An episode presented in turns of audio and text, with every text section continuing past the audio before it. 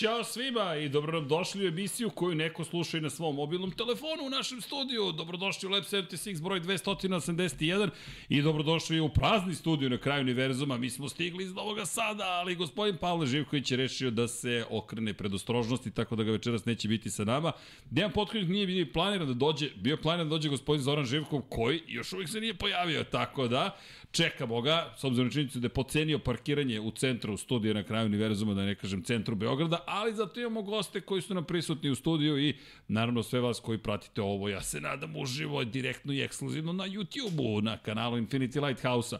I sad naravno ću pokušati da kupim malo vremena našem cenjenom gostu Zoranu Živku koji je sinoć, to je juče ujutro doleteo iz Bahreina kao što nas i Hasan Bratić čeka na Zoomu, tako da imaćete večeras priliku da ja se nadam uživati i da čujete direktno iz, jel te, Bahreina, šta se sve to događalo i kakva je bila situacija kada je reč o Jel te? Prvoj i veličanstveno i velikoj nagradi Bahreina, i za neke, za neke manje veličanstvene, ali ljudi, 74. sezona šampionata sveta Formula 1 je počela i u to ime ja vam čestitam i želim srećan početak nove sezone.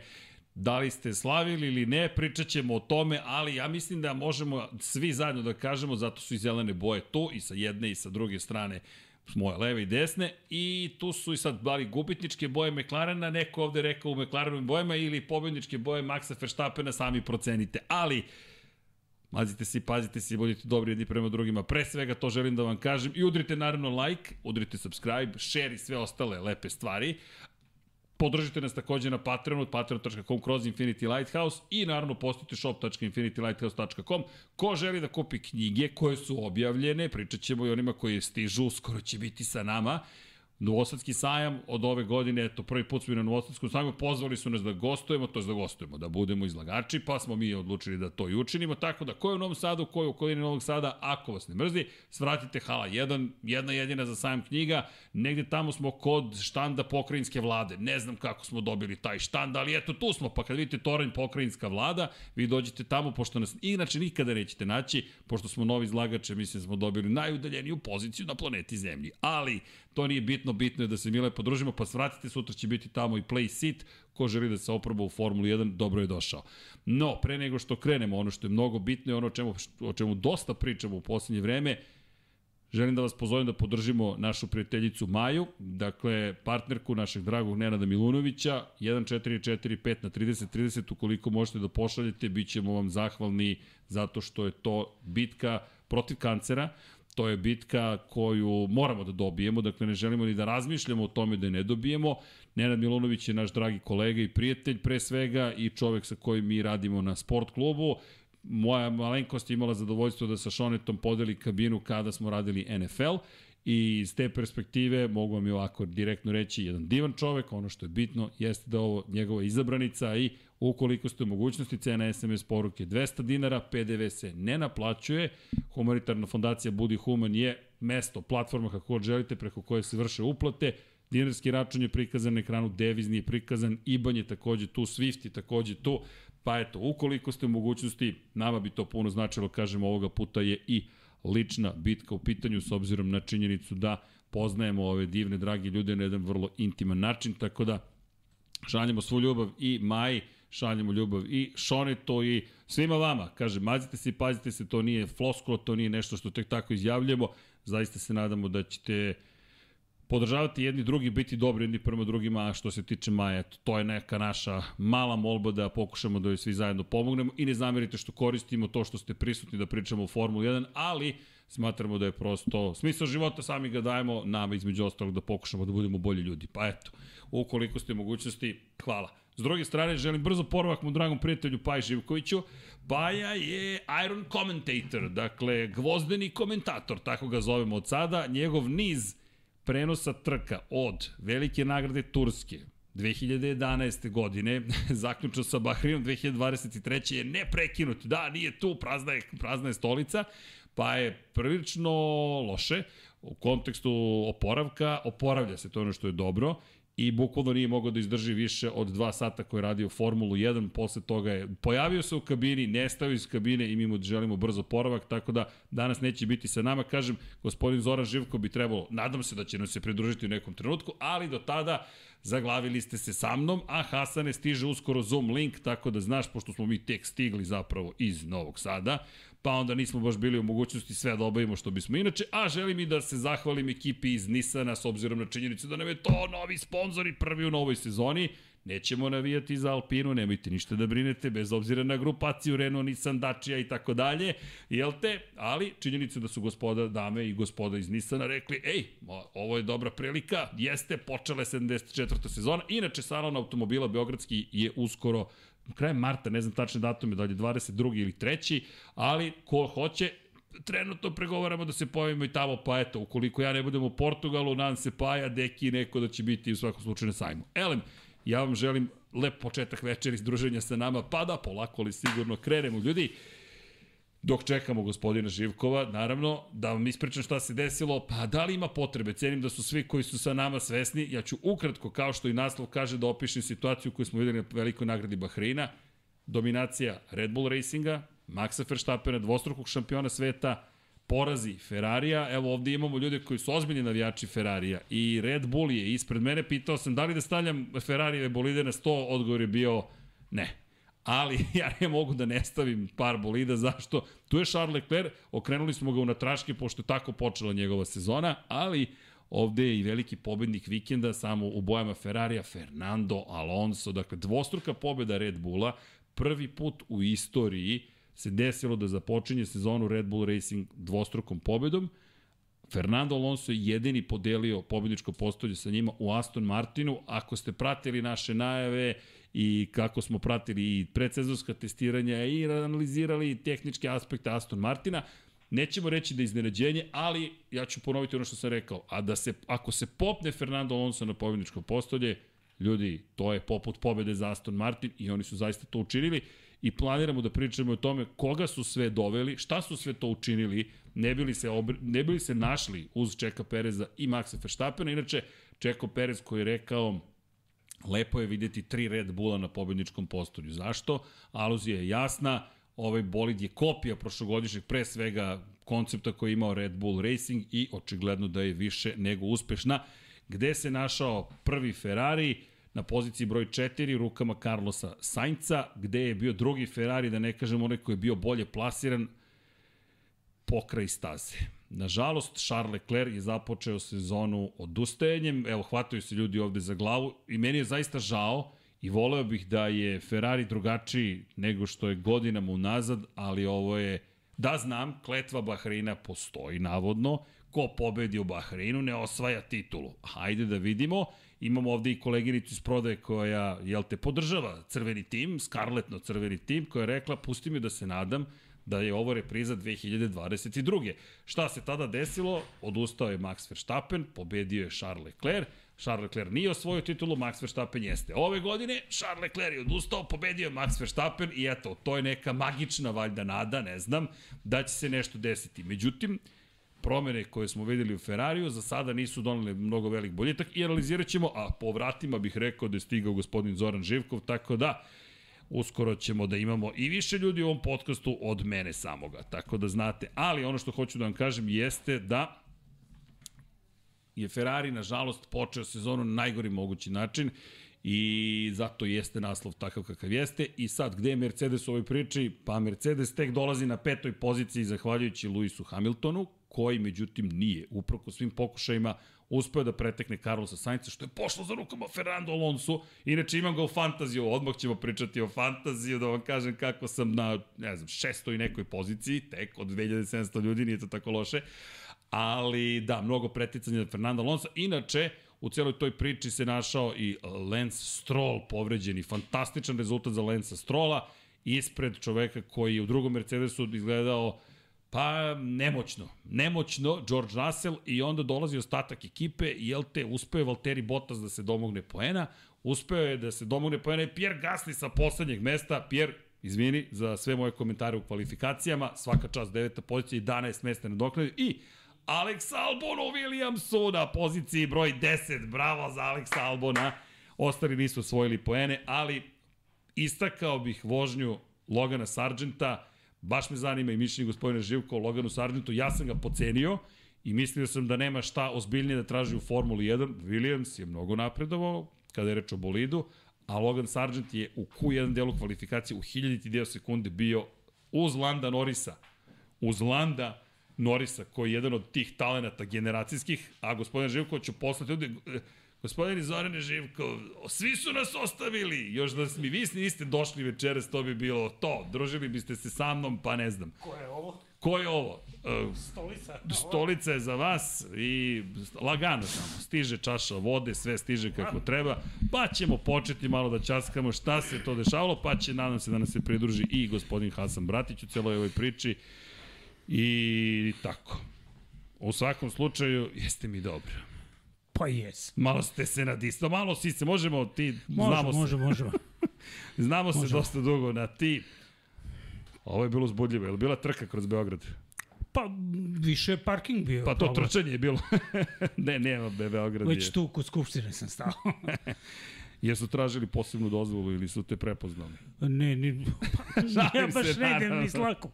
Pa onda, da su me prepoznali sigurno ne bi bio tu. Ne, ti samo reci idem u Lab 76, nemoj da brineš. Sva vrata Aha, se dobro. otvaraju instant i samo kažu, ma nema problema, znamo, znamo gde ste krenuli. Aha, dobro. Pa, znaju oni i ovako. A, da, volim tvoje komentare, nedostajao si nam. Kako je bilo na prvoj trci sezone? Pa ajde da kažemo da je, da je bilo Surovo. da je bilo surovo očekivano. Ako pogledamo e, rezultate onih e, predsezonskih testiranja 1, 2, 3 je i 1, 2, 3 sa, sa trke, tako da po prvi put možda u novijoj istoriji da se ovi sad da kažemo e, sezonski nisu puno sakrivali. Mislim, Red Bull nije ništa krio Jesi da ima, taj utisak? da ima taj tempo od samog početka, to nije da nije iznenađujuće. E, treba jednu stvar samo uzeti u obzir. E, to je da je, svi kažu wow, Red Bull, ovo ono, ali mislim da je u celoj priči bitno podvući jedno. Red Bull koji je sada uh, na stazi Dobro. je bolid koji je razvijen pre kazne. Ok, to sam, imam, imam, imam, imam tu baš pitanje za tebe. Imam teoriju kako će Red Bull da se bori za titulu ove godine. Znaš koja mi je teorija? Kao Brown Tako je. Dakle, prvih 10 trka sezone bacamo sve u napad i idemo do toga da dođemo do nedostižne prednosti i onda kada počne da se osjeća kazna, da, da podsjetim samo, 25% manje vremena imaju čak i ono šampionsko vreme koje, su, koje imaju kao šampioni koje je smanjeno, je dodatno smanjeno za četvrtinu i za šta? Za computational fluid dynamics, dakle za procesorsku moć koju imaju prilikom rada na CFD-u i vazdušni tunel. Dakle, razvoj aerodinamike koji pričat ćemo o tome je kritičan u modernoj, pa i generalno Formuli 1. Oni to, ja mislim da ne, pošto će tu zaostajati, sada moraju da iskoriste sve što su radili prošle i ove godine. To je moj utisak. Šta ti kažeš? Pa ja mislim da je, da je to to prosto tako da će oni, oni sada ovaj, uh, ha, uh, već naredna trka će biti nije samo pitanje šta će Red Bull da uradi. Red Bull će da uradi ono što može i što hoće. Problem je šta će ostali da urade, a ja ne vidim ako u Saudijskoj Arabiji Ferrari ne bude bolji, odnosno ne bude rešio tu potrošnju guma, ne bude rešio, e, ima tu e, mnogo, mnogo drugih problema. E, ako ne bude to rešeno, bez obzira, ajde da kažemo, pošto je sad već zakotrljena teorija, pa dobro, daj, daj da damo Vaseru još je jednu godinu šanse da sredi Još odnosno jedno, ti- pa ovo nije ni počelo. E, Pa, upravo to kažem. Znači, e, već, već se govori da bi ovo trebalo da bude godina. Ok, on je preuzeo tim i sa tim izborom, ja se sećam šta sam prošli put ovde rekao i, i dalje smatram da on možda i nije najbolji izbor za Ferrari. E, Zašto? Zašto? Zato što, zato što e, novac u Ferrariju je na jednoj strani, Vaser će povlačiti poteze koji su na drugoj strani e, garaže. Dobro. Dakle, samo da se razumemo, ja ću biti eksplicitan. Novac je u rukama Carlosa Sainca, Sainca. a Vaser vuče ka Šaru Leclercu. igrom slučaja je bolid bi trebao više da odgovara Saincovom stilu vožnje, međutim vidimo da se Sainz, e, da objektivno u ovom trenutku je Leclerc bolji vozač. Pa, pazi, ako pogledamo rezultate, vidjet ćemo kasnije analizu i krugova. Aleksa Vuče je ponovo bio vredan. Inače, počet ćemo polako četvrtkom da uvodimo i tehnički pogled na Formulu 1. Dobro. Ali sve što smo videli ovoga vikenda, izvini, moram da se vratim malo unazad. Dakle, ajmo ovako, pošto smo uskočili odmah, tvrdo idemo odmah ka Ferrariju. Samo konstatujemo, Red Bull i Max Verstappen i Checo Perez. Ono je potpuna dominacija. Dakle, Zoki, da li se sećaš trke u kojoj na početku sezone tim u koji je osvojio titulu, koji ima dvostrukog svetskog šampiona, koji ima sjajnog vozača broj 2, Giampiero Lambiase, koji je glavni trkački inženjer Maxa Verstappena, kaže, Max, ajde uspori. Treba mi 7 desetinki spori krug od ovoga. Max koji poručuje, ok, ali onda obojica moramo da usporimo, misleći na Serhije Pereza, i Lambiase koji mu kaže, Max, nema trke 24 sekunde si ispred u tom trenutku još uvek aktivnog vozača Charlesa Leclerca i, i, Max ne odustaje i Lambiase koji mu kaže, ej, ja ću biti dosadan, moraš da usporiš za 70 tinki. Oni već sada štede motor, bolid, šta želiš, gume, ne, sve štede, Da li se sećaš takve dominacije? Red Bull nikad nema dvostruku pobedu na početku sezone. Prvi put u njihovoj istoriji kompletnoj. Pa dobro, Mercedes je imao te momente dominacije i ono... Dakle, što se, gde smo sada? 2017. 16. Pa, mislim, tamo 16. pre. Pa to. Ovaj, ali ne znam, e, iskreno da kažem, nisam čuo te komentare. Da, da, imaš na radiju, ovaj, poslušaj, ovaj, da, da, da, Labijasa koji mu kaže, aj molim te uspori. Uh, jedino što, što sam video da su, recimo, u poslednjih deseta krugova taj tempo bio drastično, drastično slabiji u odnosu na, na, na ono što je, što je bilo i očekivano. U ostalom, onoga trenutka svi su znali da ako Max Verstappen izađe iz prve krivine kao prvi, to je stvar rešena. I znalo se da će Leclerc 99% da prestigne Pereza na kraju, ali će ga Perez naceći. Dobro, i sad moje pitanje, ako smijem da se vratim u subotu, šta ti misliš o Ferrarijevoj strategiji u, subot, u, su, subote u pa, kvalifikaciji? Samo su priklivali jednu slabost koja je pre ili kasnije, nije, mislim, nije, nije to Red Bull da nije znao da, da će taj kao set guma što je, kako, kako je taj set kad je Leclerc ušao prvi u boks, pre Verstappena. A, ima još jedno pitanje. Taj set koji su oni računali da je svežiji, nije bio svežiji. Ajmo ovako, za one koji slučajno su propustili kvalifikacije. Dakle, ja ću pročitati vremena u kvalifikacijama. Max Verstappen na pol poziciji, što nije baš uobičajeno, on nema tako mnogo pol pozicija. Ovo je 36. pobjeda, tek 21. pol pozicija.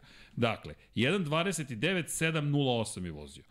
Sergio Perez 1.29.846. Iz prvog i jedinog pokušaja u Q3 delu kvalifikacija, Leclerc 1.30.000 i moje, inače, sada da se vratim na setove, oni su u prv Q1 samo prošli jedan krug pripremni, izašli iz garaže, vratili se u garažu. I to se smatra korišćenim setom guma. To nije korišćeni set guma, to je potpuno skrabovan samo set guma.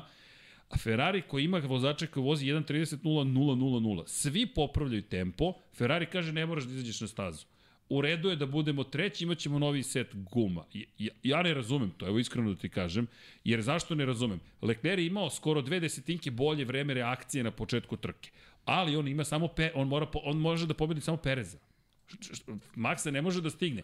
Samo pitanje, da li misliš da je, ja ne kažem da bi pobedio Leclerc, ali da započneš trku tako što remetiš ritam Maxa Verstappena, tako što, ne, tako što možda pustiš Carlosa Sainca da se bori sa Serhijom Perezom. Meni to deluje kao opcija u kojoj ti možeš makar da poremetiš nešto kod Red Bulla. Ovako, ti si Red Bullu rekao, neka Max povede, u redu je.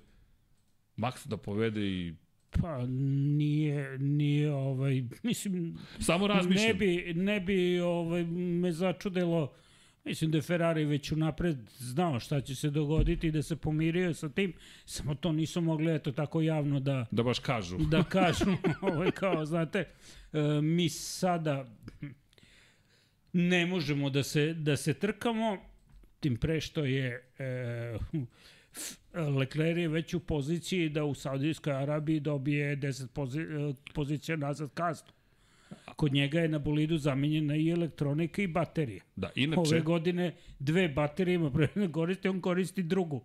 U prvoj I kontrolne elektronike imaš dve i baterije imaš dve. Dakle, to su odvojeni delovi, na bateriji, kontrolna elektronika stoji na bateriji, ajde, ovo je novi bolid, a sve to se nalazi ispod vozača. Dakle, baterija i kontrolna elektronika su ispod vozača. Oni su podvučeni ispod vozača, pri čemu kontrolna elektronika je na vrhu, ispod je baterija. Oni su zamenili i jedno i drugo. I sad, ako zameniš treći, doneseš kontrolnu elektroniku i treću bateriju, ti imaš 20 mesta pomeranja unazad. A imaš 20 vozača na stazi. Pa upravo to želim da kažem. Nije bitno, nije bitno ni gde se nalazi baterija, ni kontrolna elektronika, bitne su posledice koje će biti ako se ispostavi da, da uopšte, jer, e, koliko, kako stvari stoje, Leclerc nije imao problem sa tim u trci. Problem je sa motorom sa unutrašnjim sagorevanjem. Ali izgleda da je kontrolna elektronika ipak. Poslednja informacija je da je otkazala kontrolna elektronika koju su oni zamenili. I da je ona zapravo ugasila sve. Da je ona zapravo ta koja je prestala da Moguće, da funkcioniše. mislim, e, Ferrari je rekao da, da zna problem, e, šta je problem sa gumama, Dobro. a da ne zna šta je izazvalo ovaj kvar. To je bila prva po- tamo informacija koju sam ja imao.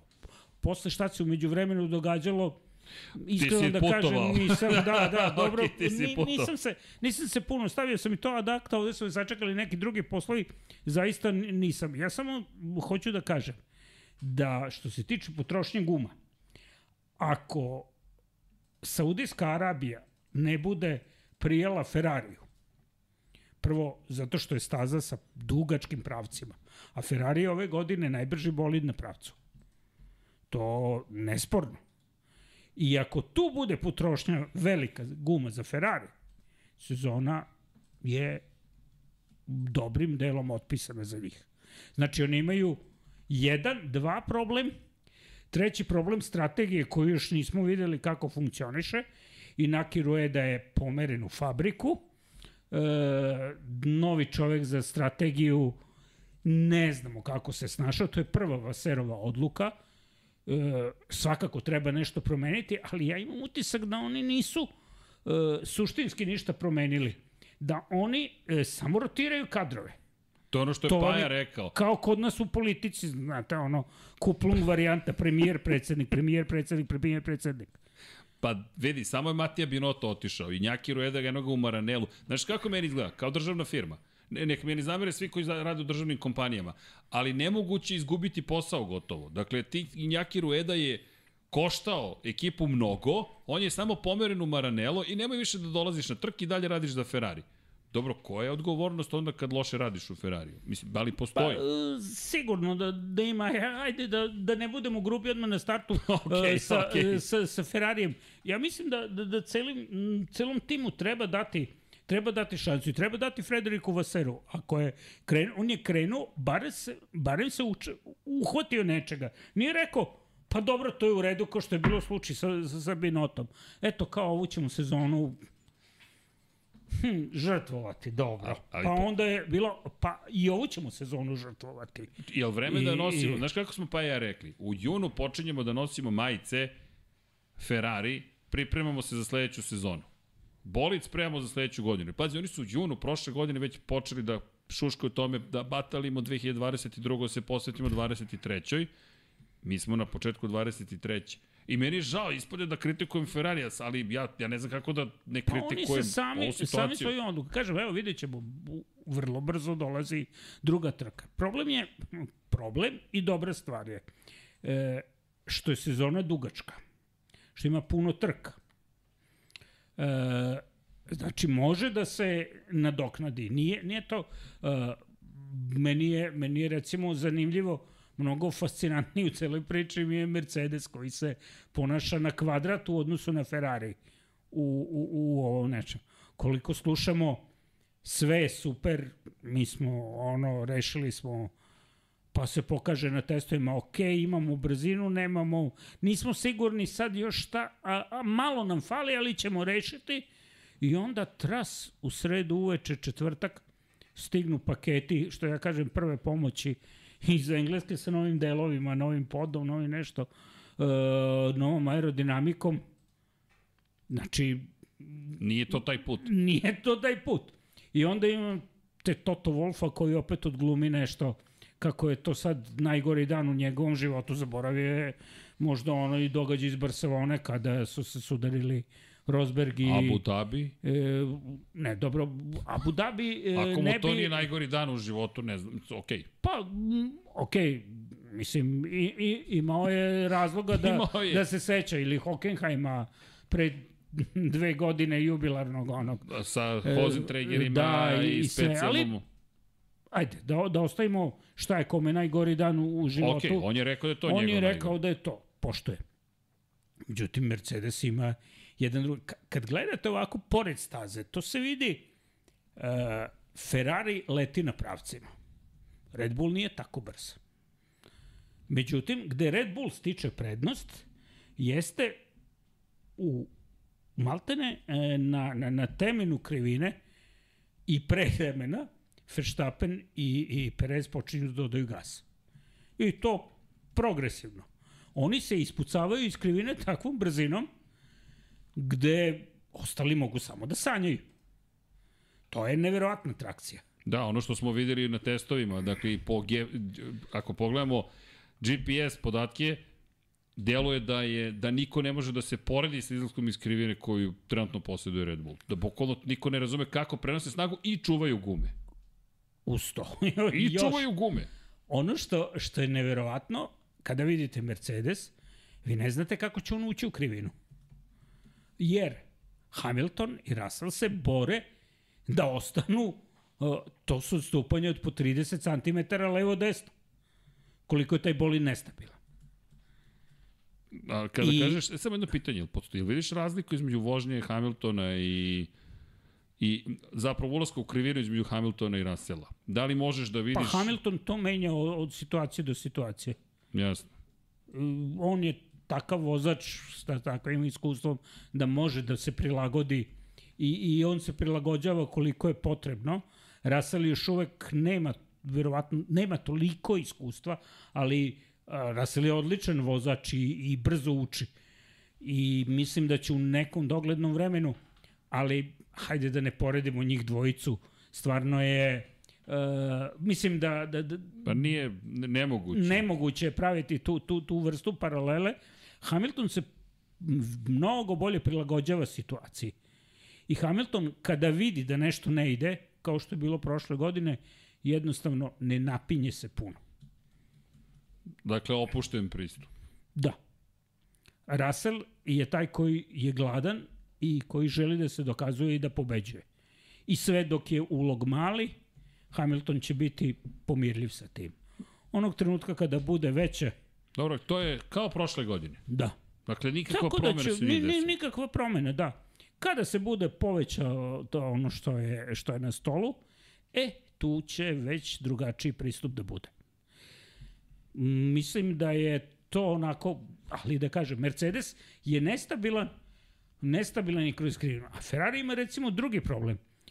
Oni e, nikad ne znaju vozači Ferrarija kad će se taj boli- bolid otkačiti u temenu. Ja sam gledao, baš imam i, i slik, fotografisao sam to, jedan spin saj, Sainca tamo, na prvom treningu, ja mislim da je bio, gde je potpuno iznenada, ništa nije uradio posebno drugačije u odnosu, znači Ferrari je aerodinamikom žrtvovao zarad brzine na pravcima, žrtvovao je stabilnost bolida u krivinama.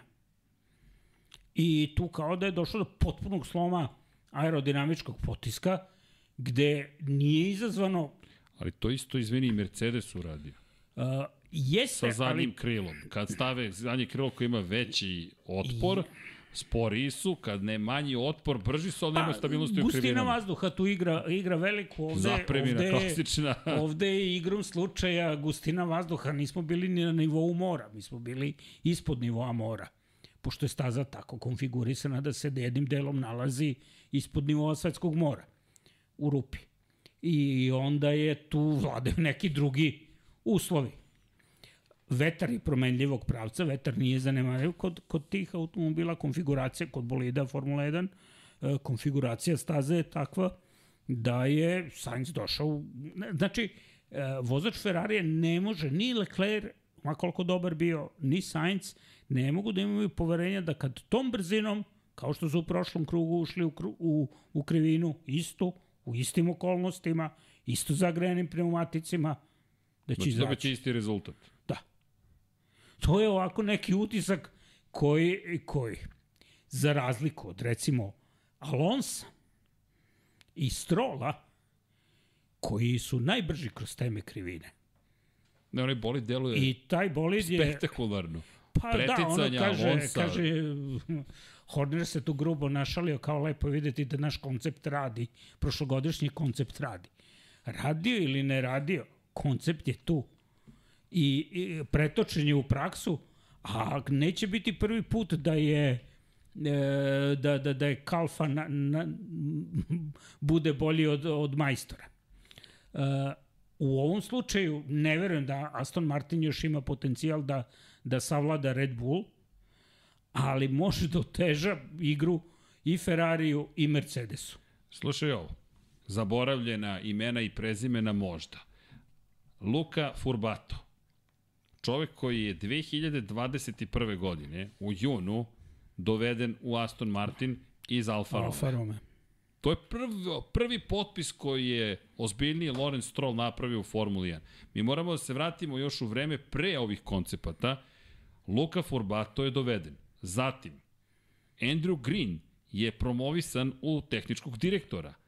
Oni Koji su, je bio u race, tako je, on je, bio, on je bio zapravo team boss, on je bio čovjek koji je bio pa Racing trkačkom... Pointa, da, Da. Ovaj, dok je, on je radio dosta sa, sa, sa Otmanom Schaffhaune Da, i, i sad kada je Otmar ono, prešao u Alpin, e, tu je, tu je ovaj, ovaj, ostao na vetrometini malo, pa Ali dobro, Andrew Green ima, ima, ima pedigre. ima pedigre, ima zaleđenu sa njegovim ranijim radovima, od Euroza pa... Um, mislim, On je nije... dugo u Formuli 1. Dakle, da. Da. ja se smijem zato što Andrew Green je čovek kojeg, kojeg ne možete tek tako olako da, da odbacite da kažete Pa nismo sigurno, zainteresovani. sigurno n- da ima. Uh, činjenica je da, da, da Lorenz Stroll uh, zna šta radi, da on nije samo jedan kanadski milijarder koji je eto tako došao do para pa će sada ja baš bi bilo dobro sinu da kupim stazu, a sada bi mogao i Aston Martin da ima šta da vozi. I drugo, nemojmo zaboraviti da ni taj e, Lance Stroll nije uopšte lo, loš vozač. Pa, da, bilo je dosta kritika na To- njegov račun, ali... To što su kritike, to je, to, to je jedno kritike dolaze verovatno od, od ljudi koji nisu vozili da ne kažem Imam dve stvari. Pa, izvini što ti uskačem. Za Lensa Strola. Alonso je rekao, nama je Lens potreban, preko potreban, jer on jedini može da uporedi prošlogodišnji bolid i ovogodišnji bolid, kao vozač. Sebastian Vettel otišao u penziju, četvorostruki svetski šampion, sad je negde s porodicom, bila je prilika, rekao nam je Hasan, ne možemo trenutno stupiti u kontakt sa Hasanom, nažalost, ali nadam se da ćemo uspeti. Hasane, budi strpljiv sa nama. Dakle, Zom je blokiran iz nekog razloga. U svakom slučaju, pojenta je da je Krak rekao da je kontaktirao Fetela. Fetel je rekao ne. Bilo je pitanje da li će Filipe Drugović voziti. E sad, mnogo ima pozitivnih emocija prema Filipu Drugoviću, pogotovo na našim prostorima. I to je okej. Okay. On je prošlogodišnji šampion Formule 2, mladi brazilski vozač, pokazao se dobrim u trodenom testu, ali on nije vozio nekoliko sezona u Aston Martinu ili generalno u Formule 1 kao Lance Stroll, niti zna taj prethodni pa bolid. ne zna, on je vozio prošle godine u Abu Dhabiju na prvom uh, treningu Jeste i uh, I Young Drivers bi- test i je to imao. Je, I to, i, i naravno uskočio je ovde kada se Lance Stroll povredio. I šta je onda, onda bilo? Mike, Mike Crack, Crack je doslovce rekao ovako. Mali nije stavio ni jednom pogrešnu nogu. Dakle, Niko nema greške. povukao. On je uradio bez pregovora. E sad, oni nisu dali puno da vozi. Jer je Fernando je e, vozio prvi dan, vozio Drugi je dan. pola drugog dana i vozio je kompletan treći dan. Tako da je uh, Drugović vozio samo jedno popodne. Drugović je dobio prepodne, Ali... Četvrtak i popodne pet. A čak i ne znam da li je dobio petak Nije. popodne. Ili subotu možda. Sve, Fernando je vozač koji je obišao najviše krugova, prešao najviše kilometara. I, I pripremio se. da. Pa dobro, ali nemojmo uzimati sa, sa Fernando, Fernando će, e, bit će mu uh, Lens dobar sve dok može da mu koristi. E, tako je sa Fernandom. Vidi, ja ne mislim Nema. da je Fernando jednom postao dobrica, dobrica koji kaže nije. ja volim Lensa Strola. Da. Ja mislim Ali da dve, moj, da. Fernando samo dobro uh, rezonuje stvari kao i uvek i procenjuje situaciju i u ovom trenutku je bolje da se grli sa Lorencom Strolom nego da mu zabada prst u oko. Grlio se i sa Ronom Denisom. Pa je onda pa, računar odneo Pa je računar odneo jeste u Fiju. Tako da ne, ne treba, grlije se on pa je ostao ispaljeni McLaren iza i... i, i GP2 engine. da, dobro to. To je Honda kriva, mislim, dobrano je Honda imala vremena i, i da, dati su to krediti da bi došli sada do ovoga, pa onda opet ono japansko hoću, neću, hoću, neću, da li ćemo da se trkamo ili nećemo, to ćemo da vidimo. Ali, kako god, nije to tema. U, u ovom trenutku Fernando Alonso uh, ima dobre karte u rukama. On odlično igra karte, pokeraš je i zna da, da u ovom trenutku neće ići na all in. Sigurno. Pustit će, čekat će sezonu. Uh, rekao je, ok, neka pobeda bi bila lepo, ali ne treba da se zanosimo da ćemo se boriti za šampionsku titulu. Naravno da bi on više nego sve voleo da se bori za šampionsku titulu. I video sam već uh, sada u Bahreinu kako je igrao igrice sa Verstappenom, što je dosta iznerviralo Verstappena na ovim treninzima slobodnim. On je, kad Verstappen izađe, eto njega odmah iza. I, i eto njega odmah iza. I stalno se pojavljivao i, iza, čisto da ga ove vidi u retrovizorima, da je tu negde, da što Verstappen uspori, onda i on uspori i tako. To su bile te neke igrice, e, navodno kaže ja imam svoj program ko, po kojem idem, ali mislim da mu je program bio samo da vidi šta će, kako će Red Bull da, da reaguje. Naravno, Verstappen je, ima dosta samopouzdanja i nije više onaj klinac koga može to da, da iznervira da takta, da. i da izbaci tek tako iz takta. Ali, ako to postane neki standard i ako, ako se Alonso ustali u svojim ovim vožnjama i sa tim rezultatima, nervoza će biti sigurno veća. Apropo, izvini, da se vratimo na Lorenza Strola. Imam, Deki ima, naš Deki potkonjak je, dopisujemo se, jel te, Deki, pa je ja, i trka traje, i vikend, i tako dalje. I Deki koji kaže, ljudi, da li, i baš me zanima tvoje mišljenje, jer si nešto slično izjavio, Da li vam deluje Aston Martin, zahvaljujući Lorenzu Strollu, kao da bi mogao da postane novi Red Bull? Igračke milijardera. Dakle, nažalost, Dietrich Matišić više nije da. živ, ali on je krenuo od toga da je kupio jedan tim koji je bio na izdisaju, Jaguar, Jaguar. i pretvorio ga prvo u tim u kojem, kojem se činilo da se Red Bull zabavlja da je to dobra promotivna taktika za energetsko piće i tako dalje, tako dalje, onda je počeo da sklapa kockice ajmo Christian Horner, najmlađi šef ekipe ikada, odjedno se pojavljuje Helmut Marko, kasnije kažu čekaj, jel možemo mi da dovedemo onog koji ti je potreban, jel te Adriana Njuja, mogu da ga dovedu. Dovedu Adriana Njuja, ajmo da sklopimo kockice i, što je bitno, Deki kaže, David Coulthard je bio prvi izbor veteran, Sebastian Vettel je ovde bio prvi izbor veteran, otišao je Coulthard, otišao je Vettel, I, I sad polako dolaze neki novi momci, sada Alonso nije baš nov, ali otvorila se prilika i Alonso u ovoj formi, inače Alonso je rekao pre 8 meseci ovo je bila opklada. Ja sam se samo kladio na, na Aston Martin. Nije to bila sad moje saznanje neko da će oni biti ovako dobri.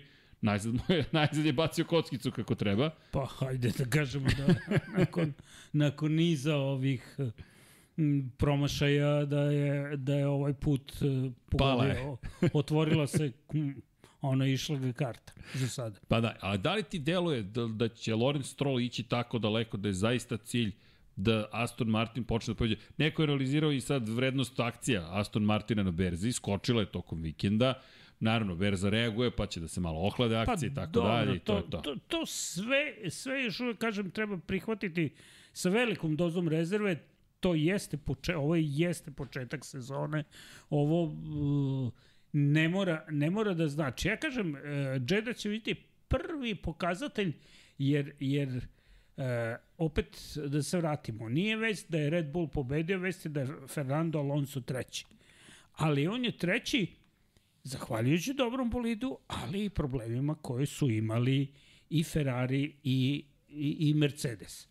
Zašto su oni upali u te probleme i kako su dozvolili e, Aston Martin je napredovao, a zašto oni nisu napredovali toliko, to je drugi problem.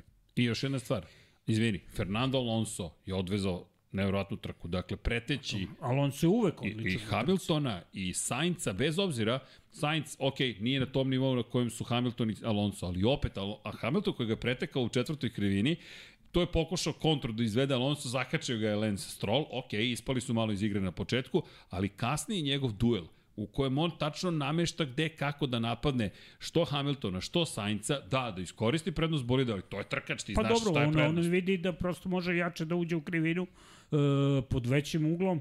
On, on je i krenuo na onaj, onaj potez e, to je ono što sam prošli put pričao, zove se jink and dive, da gađaš teme krivine kraćom putanjom, jer ti dozvoljava jer je bolid mirni i onda normalno da imaš veće brzinu u temenu, ali protivnik, ti si već zauzeo poziciju i protivnik hteo ne hteo mora da uspori, jer ne, zakon fizike nalaže da ne mogu dva tela u istom e, vremenu da budu na istom mestu u prostoru i sad poneki put neko to zaboravi, neko ne, ali činjenica je tako da Tako je pretekao Hamiltona. A... Hamilton je bio i svestan da će se to dogoditi i pomirio se negde sa tim. E, verovatno da je to bio Verstappen, onda to ne bi bilo tako. to, to, da, njihov odnos je malo drugačiji. to, to sigurno ne bi bilo tako, ali hajde da, da, da kažemo, ne, nisu, ne kažem da su oni u ljubavi, ali ima dosta respekta. To sam sad da ti kažem. Pazi sada ovo. Dakle, čuveni Lewis Hamilton i čuveni Fernando Alonso koji su imali duele kada je i Hamilton bio Novajlija. Ne zna se ko je šta rekao kome umeđu vremenu. Pogotovo Alonso je svašta pričao. Međutim, između njih i dalje postoji poštovanje. Čak i Hamilton došao posle trke na konfer... tokom davanja intervjua da se javi Da se javi bukvalno Fernando Alonso. A onda napominješ Verstappen, Hamilton, kol, kakav je njihov odnos. To je direktno ovako sukob i svaki put kad su zajedno na stazi, nijedan ne popušta. Bukvalno nijedan. Sveti se Brazila prošle godine. Pa to, dobro, to je ali, meni baš bilo indikativno. Uh, i, I kad Leclerc bude došao u situaciju, bit će it was just an incident. Mislim, ni, samo nek se malo, malo ukaže. E, Verstappen je svojim stilom vožnje, ponašanjem, e, iznervirao mnoge vozače Formule 1, tako da ga mnogi imaju poprilično ovako na nišanu. To o, nesporno da je on odličan vozač i, i, i, i to ne, ne želim da diskutujem. Dvostruki šampion sveta. E, ne želim da diskutujem o, o tome, ali hoću da kažem da ni malo e, i Alonso je dvostruki šampion i pored svega što je radio ima više simpatije za njega nego za Verstappena. Konačno treba samo pustiti ton pa čuti kome publika zviždi, a koga pozdravlja. E da, to me zanima, pošto se to baš i ne čuje. Kome po, publika zviždi koga pozdravlja? Pazi, mi obično vidimo veliki broj maksovih navijača. Ali kako to zvuči kada si uživo na licu mesta? Pa ne zvuči tako kako, kako izgleda. ok. Dakle, malo imamo drugačiju sliku preko TV da. ekrana. Dobro, sad ovo ovde nije zvučalo, manje više tribine su kao bile, e, sve je bilo potpuno raspodato, na Dobro, nisu to velike baš, tribine.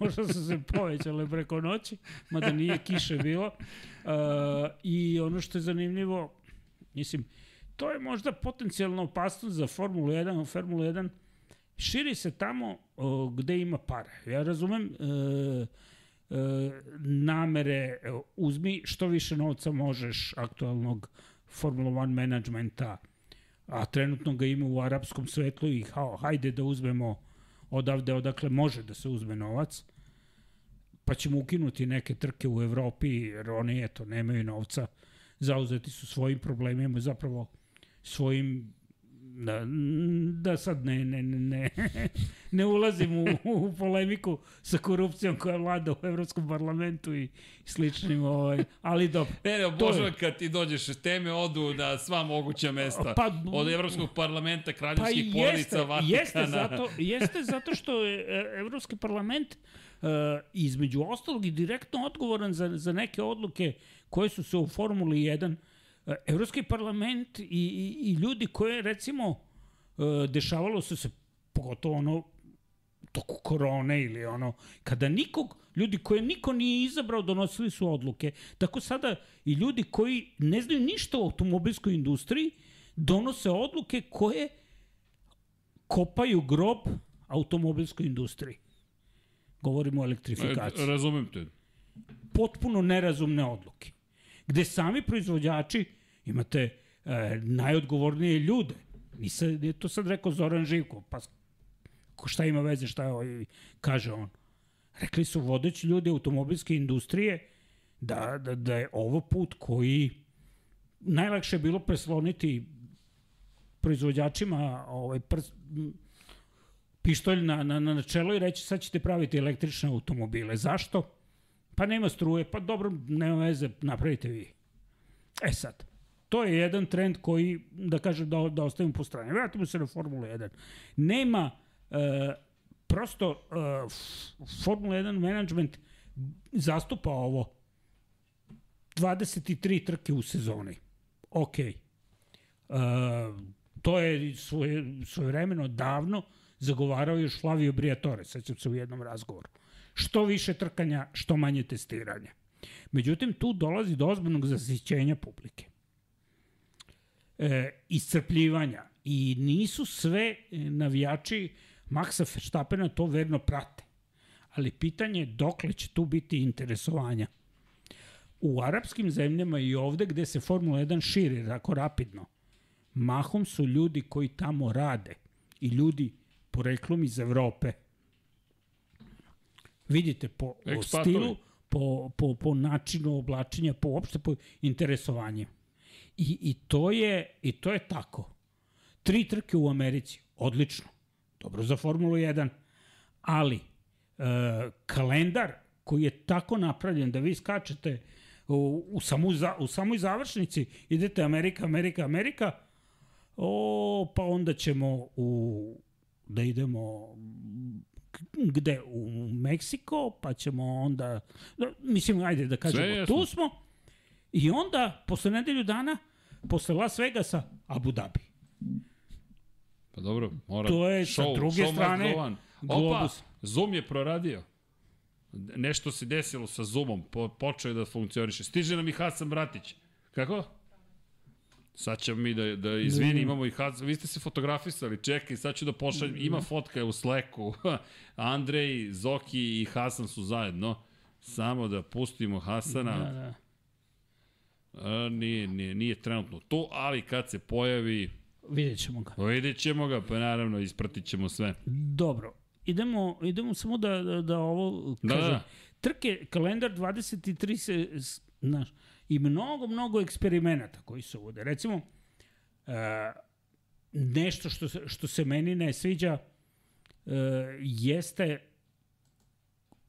pod plaštom štednje. Uh, šire se, uh, kako da kažem, uh, došli smo u situaciju, sada je povika na grejače guma. Da, Hamilton Treba. se bunio na to. Pa nije samo Hamilton, bune se, bune se manje više svi koji razumno sagledaju situaciju. Pritom Pirelli nije baš previše zadovoljan takvom odlukom. Zapravo nije mnogo ni konsultovan. Uh, kažu, postići se uštede. Ne znam, 350.000 dolara po sezoni. Ok. Ako Formula 1 štedi struju tako što neće biti grejanja guma, prosto ne mogu da verujem. Koliko, koliko će biti ušteđeno na slupanim bolidima, Vidi, I koliko će koštati razvoj novih pneumatika? Sve te razumem i sad mi je žao što Deki nije tu, jer ovo, ovo bi sad otišlo u ozbiljnu priču o tome koliko je održiva, jer vidi, sve to što si sad spomenuo ušte, da, jedan avionski let iz Las Vegasa u Abu Dhabi poništava, jer ti nisi kada si otišao u Ameriku ostao u Americi, nego si se vratio u Evropu. Pa konačno, ako pogledaš početak ove sezone, mi ćemo vrlo brzo da idemo u Australiju, pa ćemo iz Australije da odemo za Baku, pa ćemo iz Baku da odemo u Miami, pa ćemo iz Miami da odemo u Evropu, pa ćemo iz Evrope da odemo u Kanadu, pa ćemo da se vratimo u Evropu, pa ćemo da budemo u Evropi, pa ćemo onda da odemo u Singapur, pa ćemo da odemo u Japan, pa ćemo onda da se vratimo za, ne, idemo onda za Ameriku, pa ćemo onda da idemo u Meksiko, pa ćemo da idemo u Brazil, pa ćemo da se vratimo u Ameriku, pa ćemo da idemo u Abu Dhabi. Ali, moram da nas vratim nazad u pustinju Bahrina pošto smo imali prvu trku sezone da nam to ne pobegne, jer pa ne, ja bih sad otišao s tobom u digresiji, znaš ko je? Neće, e, prvo, nećemo mi nigde, nažalost, da odemo, mi smo tu gde smo, a drugo, o, mene, kažem, e, žao mi što Deki nije tu, pa ćemo se složiti ovako, avansno ću potpisati, ali ne sviđaju mi se ti eksperimenti. Znači, taj eksperiment sa, sa, sa uh, grejačima guma će puno da košta, jer Pirelli mora da razvije nove gume i to mora da uradi u toku ove sezone, a, a verujem posle prošlogodišnjeg testiranja i ono, niko nije rade da vozi sa gumama za 2024. bez grejača. Sa onim što su isprobali u prošloj sezoni. Okej. Okay. I, I, to je, I to je samo jedan nivo problema. Svesna je i Formula 1 toga, pa je nađeno neko kompromisno rešenje da, da se ove godine gume greju na, na, na manje, na 50 pa to, da, to stepeni, 2 sata i to 70 je, pa 50 pa je, i tako dalje. I, I to su neke, ali ima tu Onda recimo eksperiment koji će biti uveden u Imoli. Moram da, moram da, moram da te vratimo Bahrein. Stani, znam gde ćeš. Imaćemo Q1 tvrde gume, Q2 srednje tvrde gume, Q3 meke gume. Ali moram da te otmem nazad za Bahrein zato što ima mnogo priča koje nismo ispričali, a volio bih da ih ispričam i da iskoristim ovo što sad pričaš, jer neki mi baš ne, ne, ne, ne nedostaje u tom smislu samo, neki nam nedostaje generalno, ali i apropo ove teme. I ne bežimo teme, samo bih da ispoštujem sve koje smo imali na stazi u tom trenutku. Dakle, da, pa jer... dobro, meni ono kako da kažem, ba, Bahrain je prošlo, ali ajde idemo. ali, ali eto, analizirali smo Red Bull, Ferrari, dotakli smo se Mercedesa. Mercedes uh, ima, pred njime su, da kažemo, dva puta do velike nagrade Azerbejdžana će sigurno e, dati to. šansu ovom bolidu i tu zaista ni, sve i da hoće zbog kalendara kakav je, malo pre spomenutog, oni ne mogu da intervenišu. Onda se pojavila jedna nelogična rupa koja nije popunjena u kalendaru da u aprilu nema trka izostankom velike nagrade Kine zbog Jasno. O, COVID ludila i onda e, nema trka i to će timovi iskoristiti da se pripreme. E, ako Mercedes i nakon toga vidi da ne ide, morat će da razmišlja, kako je rekao Toto Wolf, o promeni koncepta. Šta to znači da u pola sezone znači da su oni već sad morali da donesu odluku. Jer neće, ga, neće bolid praviti uh, posle Bakua. Znači, Mercedes sa sve onim limitiranim resursima, budžetom i vremenom testiranja je prinuđen da radi unapred. Dobro. Ne znamo kakav će ishod toga biti i ne znamo da li će Hamilton i Russell uopšte ove sezone predstavljati neki okay, fakt. Da li imaš uopšte para u budžetu koji je ograničen da napraviš dovoljno veliku promenu na ovom bolidu da pa budeš konkurentan? To je, to upravo to je moje, moje pitanje, jer e, nije problem da bi Mercedes mogao da, da uloži koliko je potrebno. Da nema da kost razvije. kepa, on može 100 miliona da, da ubaci i kaže hoćemo titulu. Hoćemo pobedu, hoćemo I zna, nešto. Zna se, hoće rezultat. Šta sada sa... Ali da li ti se onda dopada cost cap? Da li ti ne, se... ja sam od prvog momenta tvrdim da je to... Ko, to su opet jedna od nerazumnih odluka političkih koje kao mi sad štedimo, spasavamo planetu, ne znam, ono, sprečavamo... A čekaj, spašavamo planetu ili pokušamo da učinimo Formula 1 konkurentnijom sa cost cap? Ka, kako možemo da učinimo Formulu 1 konkurentniju kada imate cost cap kod koje ne postoji sankcija? Šta je dobio uh, Red Bull? Ajde, vraćamo se na, na, na ovo. Umanjenje koja je jasna sankcija? Pa, sankcija je uzeli su im malo para, nisu iz cost capa uzeli, ograničili su im vreme razvoja bolida za aerodinamiku i to je to. Nemaš... I imaju dve, sezone, dve titule. Imaju dve titule. Ne, ne, okej. Okay. I sad, i sad okay. Oh, da li će se još neko setiti možda da, da postupi kao... I, i, ali čekaj, ajmo Dobro, ovako. u ovom trenutku ne, jer, jer sad je kao to predviđeno, no, no. I sad, ovaj, dobro. Ajde da, da, da vidimo ko je, ko je da, da, da se vratimo u Bahrein četvrti po snazi. Ne, ne, ne, ne, ali čekaj, čekaj, ovo je super, ovo jeste s Bahreinom. Dakle, Mercedes sada, na osnovu ovoga što je uradio, on ima vrlo malo vremena da nešto uradi. I ako to ne uradi, Pa on je već zakasnio, sezona. Mercedes je već zakasnio. Ne, da li misliš da može iko da osvoji titul u ovoj situaciji koji je promašio koncept na početku sezone? Uz uh, pa to bi morao da bude pogodak u, što bi rekli, u, u, u centar, da napraviš odmah koncept koji će, koji će od prve trke da, da zaživi e, sa ovako promašenim i, i limitiranim vremenom, mislim, ne znam. Ako neko može, to može Mercedes da, da, da uradi. E, da je Ferrari u pitanju, bio bi skeptičan pomalo, ali kažem, opet dajmo vremena i Ferrariju, jer ovaj, i Ferrariju, a i, i Mercedesu, stvarno ove, ova prva trka e, nestvarno zvuče ti, ti rezultati, ta vremena i, i to e, da je bez obzira što se Red Bull ranije prime, pripremao znači da ono išao napred sa svim odlukama i to, dobro anticipirao situaciju. Hajde da vidimo šta će, šta će ova druga dva tima da, da urade. Ali okej, okay, ajmo ovako. Red Bull je 10 od 10, moje mišljenje na početku sezone. Ovo je desetka. Dvostruka da. pobjeda, jedino što ti nedostaje najbrži krug. Nisi imao Grand Slam zahvaljujući da. tome. I to je, i to je, ovaj, do, dobro je rekao ovaj, uh, Guan Yu Zhou, kaže, zašto je, zašto je izašao, šta je, da li ima smisla napraviti najbrži krug u situaciji kada, kada nisi među vodećih deset? I on kaže, pa naravno da ima smisla. Oduzimaš poen nekome. Tako je. To je to. On je oduzeo Pjeru Gasliju poen. Jer Gasli I, bi imao tri poena umesto dva. Njegov rival. Tako je za, za, za Gaslija i, i, i zapravo velika nepoznanica je Alpin. To je tim koji bi trebao da bude četvrti po snazi. Ali?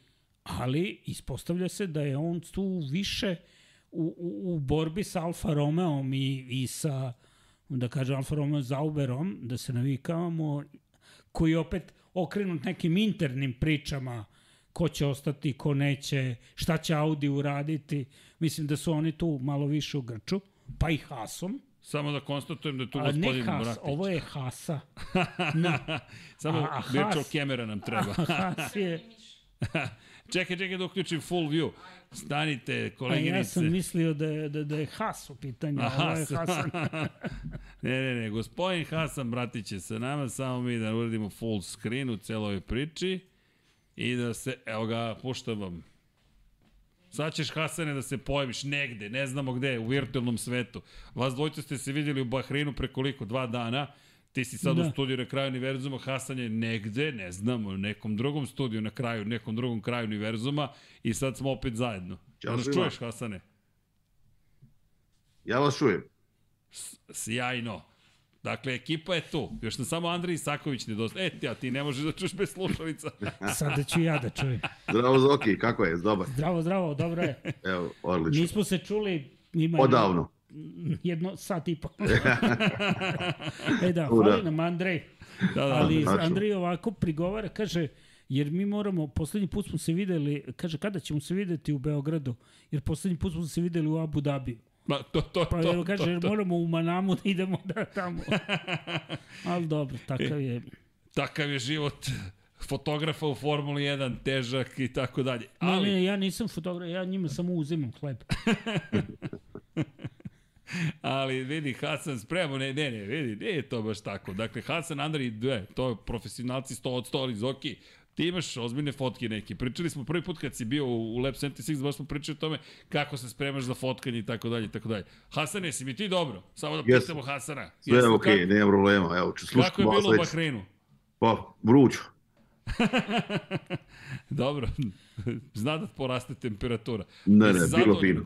Jesi zadovoljno urađenim poslom? Kako je sve to ispalo na jesam, kraju? Jesam, jesam. Sve, sve je bilo okej. Okay. Uh, tamo je uvek sve, sve dobro organizato i mislim, bio sam ono, na test, pa malo par dana slobodno i onda došao Zoran, pa smo ono, i se družili se skupa tamo na stazi i uvek to lijepo, Andrej došao i tako, uvek to fino kad se sa ljudima uh, lakše i kad se skupa i malo popričaš nešto i o drugim stvarima nego formuli.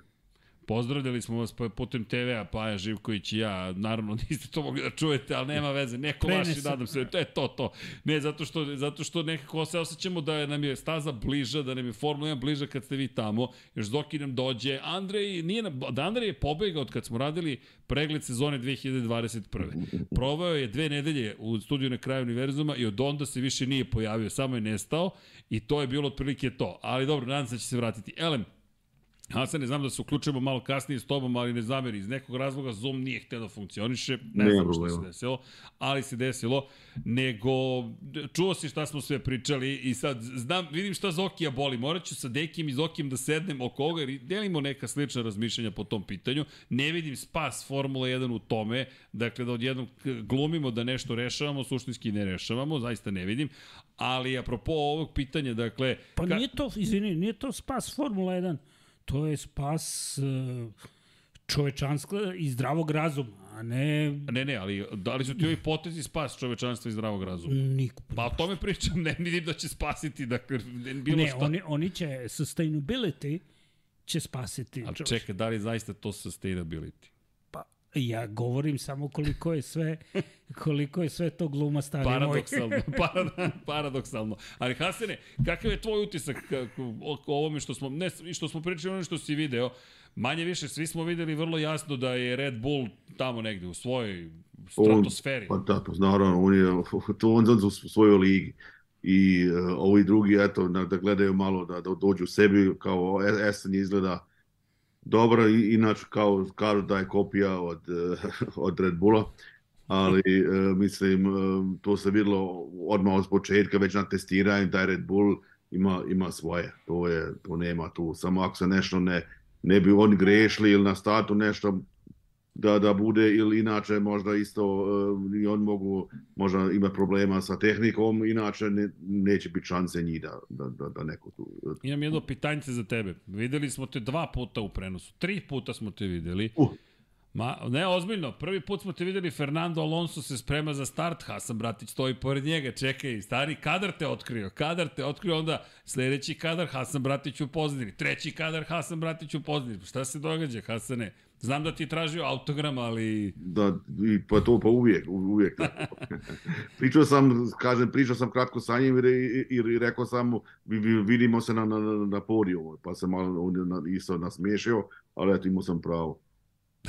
pa da, na kraju ispolo dobro. Da. Pa da, videli smo da si, pro, mislim, probao rev, da ste se sreli, vi se znate, da. manje više, to nekako da. bilo zanimljivo sad u ovoj celom, vikend, u ovom celom vikendu, Fernando Alonso koji oživljava, prosto 99. pobjedničko postolje za Fernando Alonso, baš je velika zvezda i zato kažem, vidimo tebe, tako da obratite pažnju, kada vidite Fernando Alonso, ne znam da li će Hasan biti češće tu ili ne, ali dobra je priča u svakom slučaju, tako da, da je to, ne, ne znam, meni neko lično lep moment i jesi u Drive to Survive Survivor, samo da proverimo ove godine. Jednom sam se vidio, samo jednom. samo jednom. A ne moramo, oh. zašto Zoki moramo da mu uradimo IMDb, da mu otvorimo stranicu, Hasan Bratić, to smo rekli, as himself u Drive to Survive, gde se pojavljuje epizoda ta i ta. To je za vas mlade. da, baš smo mladi ovde zajedno, sva trojica prosek godina, nije ni bitan, sve je u redu. Ali dobro, lepo se zabavljamo. Hasan je mlađi od mene. Šta se... Eto vidiš. I ti. I te eto popravljamo pa, prolaz. Ali dobro se ne držimo se ta... Ovde tamo je omladina, mi pa, nismo da. baš omladina, da, on, njih trojica. I dama, naravno, za stolom. Da. Ali dobro, da se mi vratimo Formuli 1. Dakle, Hasane, došli smo do, do, do, došli smo do mnogo priča, ali između ostalog, apropo Mercedesa i cost cappinga, ajde da, da apropo cost capa, Deki takođe isto mišljenje, pa isto mišljenje, ja isto mišljenje. Mislim da cost cap neće suštinski promeniti odnose snaga u Formuli 1. Jer ako pogledamo da li je cost cap doveo nekoga na vrh, Aston Martin nije siromašna ekipa. Dakle, to nije tim koji... Jer gde se troši novac? Ne možeš da kupiš možda da kažeš mogu sada 100 miliona dolara da dam da razvijem bolid u polovini sezone, ali koga ću ja da dovedem? I nisam završio priče, evo koga su angažovali, gde trošiš pare? Trošiš ih na ljude i o tome se uvek priča. Samo par, par imena bih još spomenuo po pitanju Aston Martina, ko, koga su sve angažovali zapravo u celoj priči, a to je Andrew Alezi, ne znam da se sećate njega, Namerno ne spominjem čoveka koga svi najviše spominju, a to je Dan Fellows. Dan Fellows je došao na kraju zapravo u celoj priči. Andrew Alezi takođe. Ko je Andrew Alezi? Bivši dizajner Red Bulla. I onda Dan Fellows, čovek koji radio ruke pod ruku zajedno sa zapravo Adrianom. Njujem. I to su sve ljudi koje si platio. Ne možeš da ih dovedeš ako nemaš budžet kao Haas. Zašto bi ja došao u Haas? Dakle, ti moraš da imaš, aha, a vidi, imamo aerotunel, aha, a vi imamo ovakva postrojenja, a imamo ovakvu fabriku i imamo ovo za tvoju platu, Tako da cost cap će zaustaviti možda neke stvari, ali ja ne vidim suštinski Mm, promjer Plate odnosa nisu uračunate samo. Tako je, nisu uračunate u cost cap. Ni, ti imaš tamo vrlo ograničen broj stvari koje su ograničene kada je reč o ljudima zapravo. Tri plate, ali sve ostalo možeš da trošiš. I šta smo videli da rade, Mercedes, Ferrari i ostali. Pošalješ ih van F1 tima da proizvode skutere da proizvode, ne znam, skateboardove, jer to onda znači da 50% svog vremena nisu zaposleni zapravo u Ferrariju, Mercedesu i Aston Martinu. Nego šta radi? Pa ne, on proizvodi jahte za nas pola godine, a onda se vrati kada je vreme da se pravi novi bolid. I onda ti, i čak i ako imaš ograničenje budžeta, to prepoloviš i nađeš te, uvijek će se naći neki trik. Ali, ali dobro, šta ti misliš, kakav je tvoj utisak o, o, hajde, celom ovom vikendu, kako ti je prošao, kakav je, kakav je bio osjećaj na samoj stazi, Formula 1, znaš, neko se žali, ej, počinje nova era dominacije, da li će pasti interesovanje? Moje interesovanje nikad ne pada. Nikada je Mercedes dominirao, nikada je do, sad dominira Red Bull. Kakav je tvoj utisak? On nije kad volimo taj, taj sport, onda, onda, onda je sve jedno za mene ko je prvi, drugi, treći, mene, mene to sve interesuje i ja, ja sam sretan kad sam na, tamo na stazi i uh, Men, uvek... Jesu bile, jel, jesi, jel imaš to ono žmarce i kažeš sebi, ej, počinje sezona? Pa uvijek, uvijek to. Men, meni uvijek, kad, kad, kad imam onaj svoj pas i, i uđem kroz, kroz u pedok i, i baš moraš proći ono, uh, kako se kaže, neki gate, da, da uđeš. Da, kapiju, da, da. Ja, i, ja, meni, onda, tvoja slika se pokazuje kratko na ekranu i onda zeleno i onda moraš ući i to meni uvijek nešto, nešto znači. I to, nešto posebno. To neće nikada proći, da. Ja uvijek kažem u nas, evo sad sam na, na holy groundu i na, na nekom svetom mjestu i znam to meni ostane tako. Sjajno, Zoki, imaš ti taj osjećaj kad dolaziš? Kažeš, ej, ček, počinje sezona. Mi se zna, ja prvi put si me uveo u garažu Minardi 96. godine. 27 godine je prošlo od onda. Pa ne, nemam neki poseban osjećaj, ali me uvek to raduje. Mislim, pa to je to, radost. zaista, zaista me raduje. Bez obzira što sad mi onako osjećaš šta će se događati i već imaš, već vidiš unapred kakva je budućnost, ali eto, ostaje neka nada da nešto može da se promeni i da, da nešto bude drugačije. I onda to te stalno inspiriše, ajde da idemo dalje i da, da, da vidimo šta će. Nadam se da eto svaki novi početak mi je, mi je interesantan i prosto volim da gledam te trke, da gledam, zato sam i počeo da, da fotografišem, da bi bio u stazu i video ono što ne može da se vidi u samom prenosu. Mnogo bolje se vidi u prenosu, da se ne lažemo. Evo, Hasan može da ti potvrdi, Andrej takođe. Ne znamo mi ni ko je. Ako saznamo koji krug, pa ajde gledamo preko telefona ili na ekranu pored. Ali šta se događalo? Ako se ne dogodi ispred tebe, nećeš znati. Kao što ni, ni drugi gledalci neće videti i neće osetiti to što smo mi videli i doživeli. To Hasan najbolje može da potvrdi. Da, da, između ostalog, to jeste poenta Lab 76, da vaše emocije, da vaše osjećaje možemo da prenesemo. Znaš, to je zašto mi volimo kad gostuje Hasan, kad gostuješ ti Andrej, koji nam je pobegao, ali to je taj moment, ono što si ti Hasan pričao u Monaku, kad proleće ispred tebe na 5 cm praktično boli, to, to je teško opisati, a vi imate priliku da nam kroz vaše fotografije, vaše priče to približite. I zato je meni toliko bitan vaš osjećaj, znaš, da li se osjećate kao klinci, ja se opet osjećam kao klinac. Ja jedno čekam Paja da dođe i da počnemo prenos, znaš, kao, e, kreće prenos, čekaj, prva trka Formula 1 ove sezone. I ne znam ko mi je rekao, pa dobro, George Russell je rekao, pa u sve 23 trke će pobediti Mercedes baš me briga, iskreno, neka pobedi kogod, ali ja sam srećan počela je Formula 1, to je taj neki moment dečački i bilo je, bilo, meni je bilo super, jer bilo mnogo priča. Da, priča o Red Bullu, to je završeno, od akta, to je bilo jasno posle prvih pet krugova. Ono što mi smeta, izvini, moram da se vrati samo na kratko na Ferrari. Da li neko od vas dvojice može da mi objasni zašto je Sergio Perez prvi menjao gume i zašto je izveo undercut, to je podvukao se Charlesu Leclercu? Gde, Ako si ti Ferrari, evo vraćam se na Ferrari, ne vredi, Ferrari je Ferrari i ti to dozvoliš da se desi. Kako planiraš da pobediš u toj trci? Šta planiraš da uradiš? Jel stvarno sve je bilo, ej, daj da uzmemo treću, četvrtu poziciju i to je to? Pa to je to. To je to. Jel tebi Hasan Ne, isto pa tako? ne, dobro, mi, mi, mi, mi nismo od toga ništa videli, mi, mi smo bili, bili vani na, na stazi, da pogledate, da. sad mi, mi nije bilo to toliko ekrana oko staze da mo, možemo biti ko je, ko je sad e, ošao po gume i koji ne, ali e, izgleda da je, ne znam, tu, tu neku, ne, ne vidi se neki plan za mene, ne, ne, ne neku, kako, to je sta strategiju koja bi trebalo svi da imaju, e, ali na, na kraju to ne, ne zvuči baš na, na nekom pravom planu što smo prije nešto izmislili pa da onda da učinimo to. Meni deluje Ferrari kao da je napravio korak u napred, ali dva unazad praktično. Tako mi izgleda ove godine. Ne, e, mo, možda se niste najbolje e, razumeli. Hasan e, kaže ne vidimo, ne vidimo mi, ali e, Ferrari je e, upravo pristupio celoj stvari prilično oprezno. I opet se desilo ono što nisu računali, da jedan vozač ne završi. I to je, to je A, problem. ali zato i kažem, ali, da što je e, da, korak u napred, ali smo zapravo otišli dva unazad. ja pravo da ti kažem, ne vidim korak u napred. Aha, okej. Samo jedan korak unazad, okej. To je, to je problem.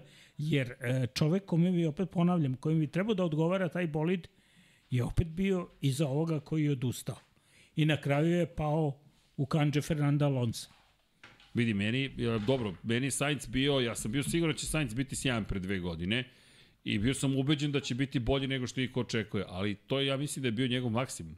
Jer ako ti u kvalifikacijama ne, ne, zapravo ne napreduješ ispred svog klubskog kolege koji je imao jedan izlazak na stazu manje od tebe, to, to ne može da bude dobar znak. A ti tvrdiš da si ti dovoljno dobar da se boriš za titulu šampiona sveta i da si bolji od Charles Leclerc. Svojim stavom, pričama, ponašanjem i tako dalje. I ja to nisam video. Nisam video apsolutno ni u čemu. Meni delovalo je targetčno u celoj priči. I zato kažem, kakav ti je plan? A ti si manje agresivan od ekipe koja ima sve i koja izvede potpuno suprotnu strategiju. Jedini ko su išli na dva, na dva stajanja sa crvenim gumama mekim su bili Williams i Ferrari. Williams, i, evo to ti priča, ljudi, Williams nema sponzora, kako je vam izgledao na stazi? Kako izgleda Williams na stazi? Meni izgledao sjajno. Alex Albon je odvezao sjajnu trku. Pa, Sargent je kao, kao ruki, mislim šta je bio 12. na kraju. Pa, da. Isto, E, da, Odlična, odlična, Odlična trka, trka. za za odlična trka za, za, za ovog mladog Amerikanca. Ja sam nisam- oduševljen. Ni, nisam verovao. Uh, pazi, Williams ima brzinu na pravcu. To, uvek su imali. Tu- to, to tu- od, ne znam, 2014. Tak, takav bolid koji nije najbolji, on i mora tako da se podešava, jer drugačije ne, Neće funkcionisati. Ne, neće, neće moći. Ali na stranu to, Albon može da izvuče mnogo više. Sad kažemo, koji, koji pit stop ili to? Pa recimo, ha, pa McLaren je navežbao pit stopove. Ovo, ako ništa bar u ovoj trci. E, ali Ako je, ovaj, mislim, govorim na onih šest zaustavljanja u boksu, ako za to vreme nisu navežbali, nikad neće. neće. Ali imam ja jedno pitanje za vas. Šta je meni palo na pamet? James Vowles je otišao iz Mercedesa da bude šef Williamsa. Šta je radio Vowles? Valtteri, this is James. Ko ima strategiju koju ima ident i pobednički bolid? Čovek koji je otišao iz Mercedesa. I to me neko pitao, što ne analizirate koliko ljudi je otišlo iz Mercedesa? Da li vas dvojici imate utisak da su ljudi i ti odlasci iz Mercedesa značajno oslabili taj tim, da to više ni Andy Cowley otišao, James Ellison bi bio, ne znam, i on se bavio jahtama kao Adrian Newey, sada se vraća James Ellison, imaš veliki broj ljudi koji je angažovao što Red Bull, dao im mnogo više novca, što pa i Aston Martin i sada James Vowles je otišao, koji ti je bio zadužen zapravo za strategiju, koji ti je bio zadužen da organizuje taj tim iz perspektive strategije, a Williams odjednom ima prilično dobru strategiju. Znaš, čisto pohvali za Jamesa Vowlesa. Ne znam da ste, kako je vama, mi smo pričali Hasane, meni je bilo iznenađenje da Vowles ode u Williams. Pa naravno da je to nikom nije, ja, ja ga nisam to očekivao, ali um, ne- nisam čuo da ikad imao neke ambicije da, da, da, da, da bude neki team principal. Upravo to, je meni po, poslednja osoba koja bi mi bila na spisku iz Mercedesa da ode da vodi Williams mi je James Vowles. Da. Iskreno. I meni to nije bilo blisko pameti, ali ajde da, da kažemo, mnogo ljudi otišlo iz Mercedesa. Setimo se da je mnogo ljudi otišlo iz svoje vremeno iz Toyote u Ferrari. Pa je onda mnogo ljudi iz Ferrarija otišlo za Red Bull. Pa je onda sada počelo da se društvo u Red Bullu osipa. I to, e, te migracije su stalne. Ptice selice. Mislim, ide se, ide se, e, očigledno da je James Wow e, dobio svoju šansu i da želi tu da se dokaže. I pr prosto bi bio uh, ono, zakupan tamo. On ne šta može, ne može dobiti mesto Toto Wolfa. To niko ne može. Makar ne trenutno. A i ne vidimo dogledno vreme. Ipak je Toto nečak. Pa, teta, M je nečak, M ima rezultate iza sebe, može da pa kaže. Ima, naravno. Izvinite ljudi, ali imam rezultate određene. Ali kad pogledaš, znaš, meni je, meni je zaista obradovao Williams i James Hall zaslužuje čestitke za ono što je, što je postigao i za Sargenta. Ej, kako vam izgleda Sargent uživo? Mene oduševio. Ja nisam očekivao od Sargenta. Pa Hasan može bolje da kaže, on je više vremena proveo sa njim. To u Pedok, je... skroman, skroman dečko, mislim, nije ovako hora gledam, pozdravlja, pa mislim, nije baš ono nek, nek ono, ono tipičan možda Amerikanac koji ono nasmije se i vamo tamo da to šala, ipak ozbiljan dečko, mislim, dobro se ponavlja. I još uvek ga nisu pokvarili. Da. ne, ovaj, ne, nije opterećen. Kao i većina Amerikanaca ne deluje onako, deluje dosta relaksirano i meni ne, ne znam, zaista nisam jedva čekam da priliku da, da razgovaram sa njim pa da da vidim kako, kako stvari stoje, ali ovako ne znam, ne, nemam za sad neko mišljenje, prvi utisak od, od čoveku deluje vrlo na svom mestu skroman, ništa ništa preterano onako da je došao kao neka zvezda sad da je da je došao da mene... da osvoji Formulu 1 posle da. mene potop i slično kad pa, ovde... da bilo je vozači iz Amerike koji su dolazili za tom idejom pa su se onda vrlo brzo razočarali. Nije baš tako jednostavno uspeti u celoj priči. E, ali a, kako vam izgledao Lance Stroll? Ti si ga spomenuo, ja bih da pohvalim Lance Strolla. Ok, bilo je to pitanje da li može da izađe dovoljno brzo iz bolida ili ne. Delovalo mi je to malo rizično, ali ljudi, on je odvezao povređen jednu sjajnu trku. Kraju dana on je iza sebe dao sjajnu bolidu, zadržao Đorđa Lasela. Kako izgleda uživo Lance Stroll? Ti si Hasane baš bio blizu, cenim Zoran i ti, ali kako je tebi Hasan izgledao na ljudskom nivou kada ga vidiš? Jer ono što smo mi videli su i neki kadrovi gde on teško izlazi iz bolida.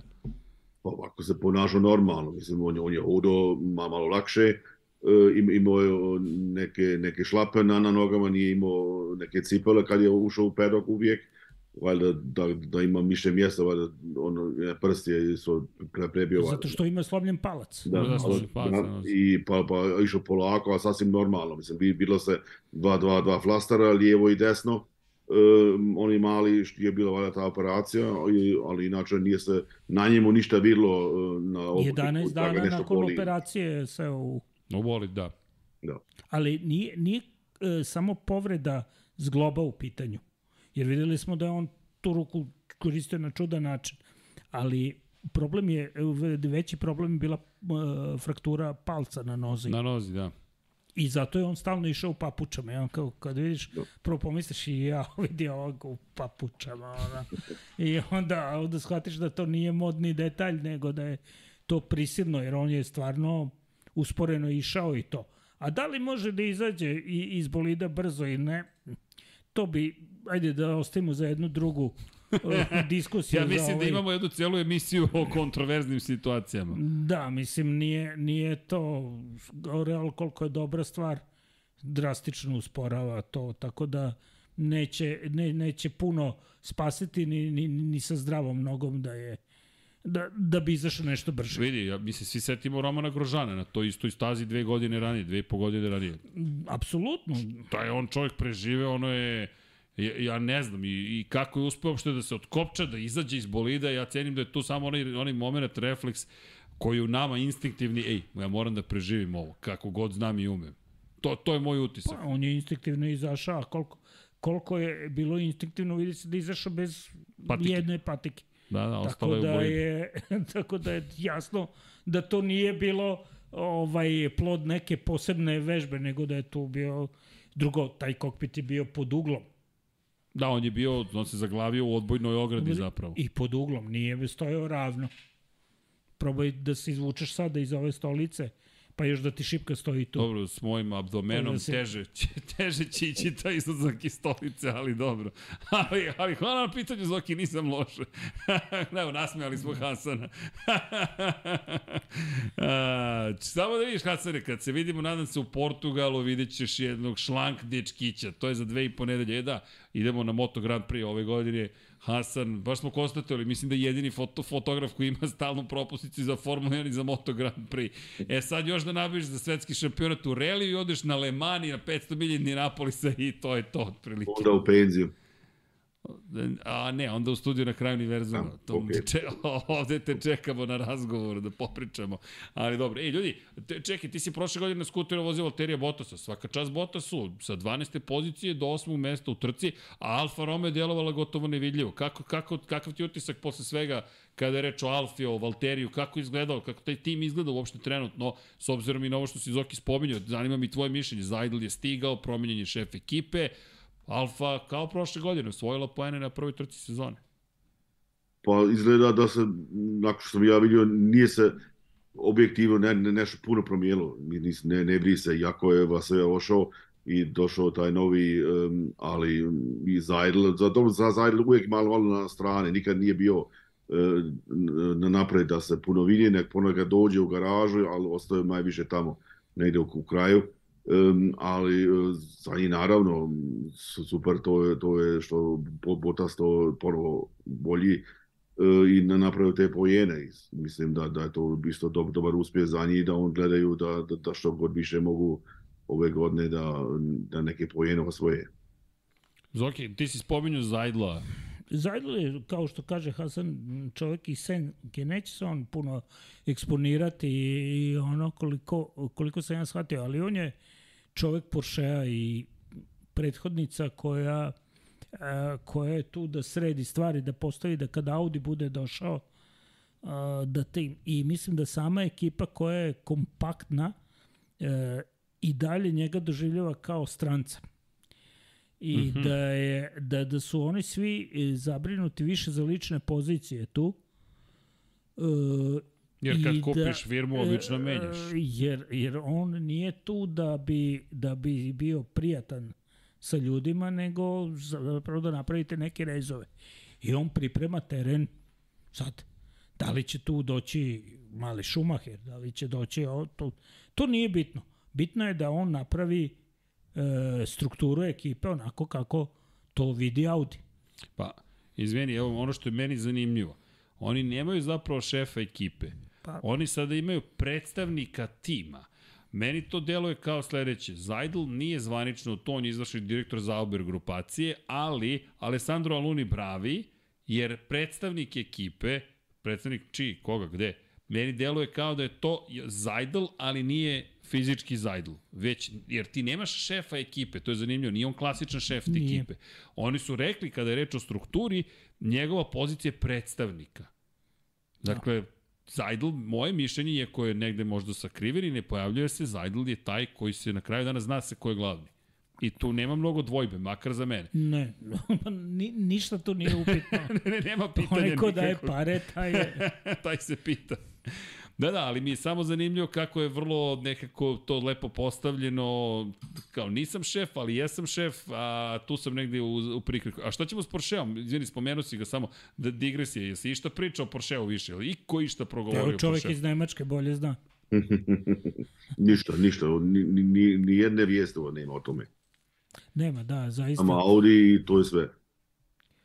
Uh, ja, ja nekako verujem, uh, FIA je Porscheu ostavljeno je Porscheu dovoljno prostora manevarskog za Le Mans i ostavljeno im je uopšte u šampionatu izdržljivosti. I mislim da će neko dogledno vreme morati time da se zadovolje. Jer koji bi bio logično izbor? Totalno ekipa Porschea mislim da je prevelik zalogaj. Jasno. Prevelika ulaganja. Tim pre što Porsche nema ha, eto kao, može da se takmiči u Formuli E, mada mislim pitanje koliko će to takmičenje trajati. Da, dobro, to je i sa odustajanjem, pa dolaže, odla, dolazak, odlazak, dolazak, odlazak, da, Formula E nije dostigla ono što je želala. Nikako. Tako da je to isto jedna, kažem, serija koja ne znamo koliko će trajati.